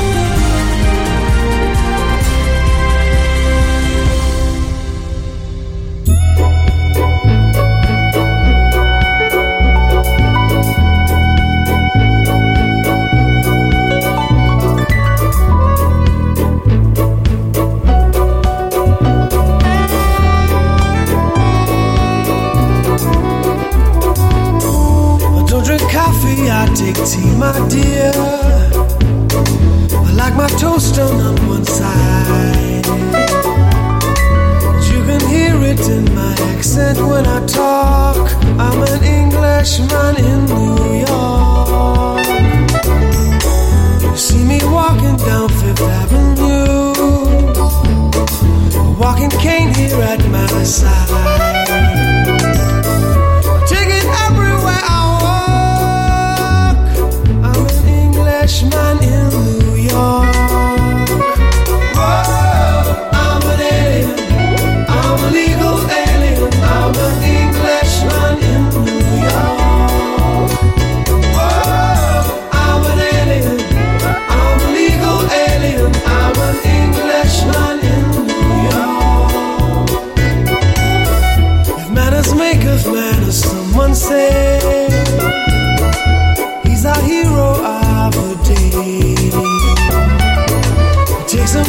Suffer ignorance and smile.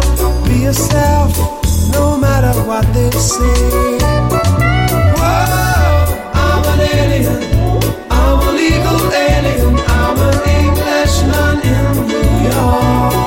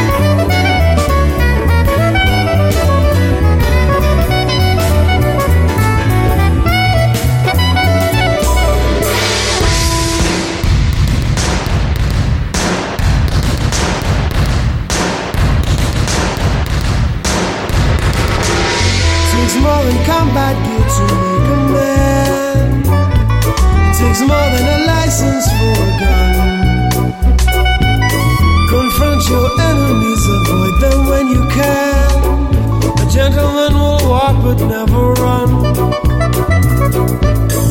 The manners make of manners, someone say He's our hero of the day. It takes a man to suffer ignorance and smile. Be yourself, no matter what they say. Be yourself, no matter what they say. Be yourself, no matter what they say.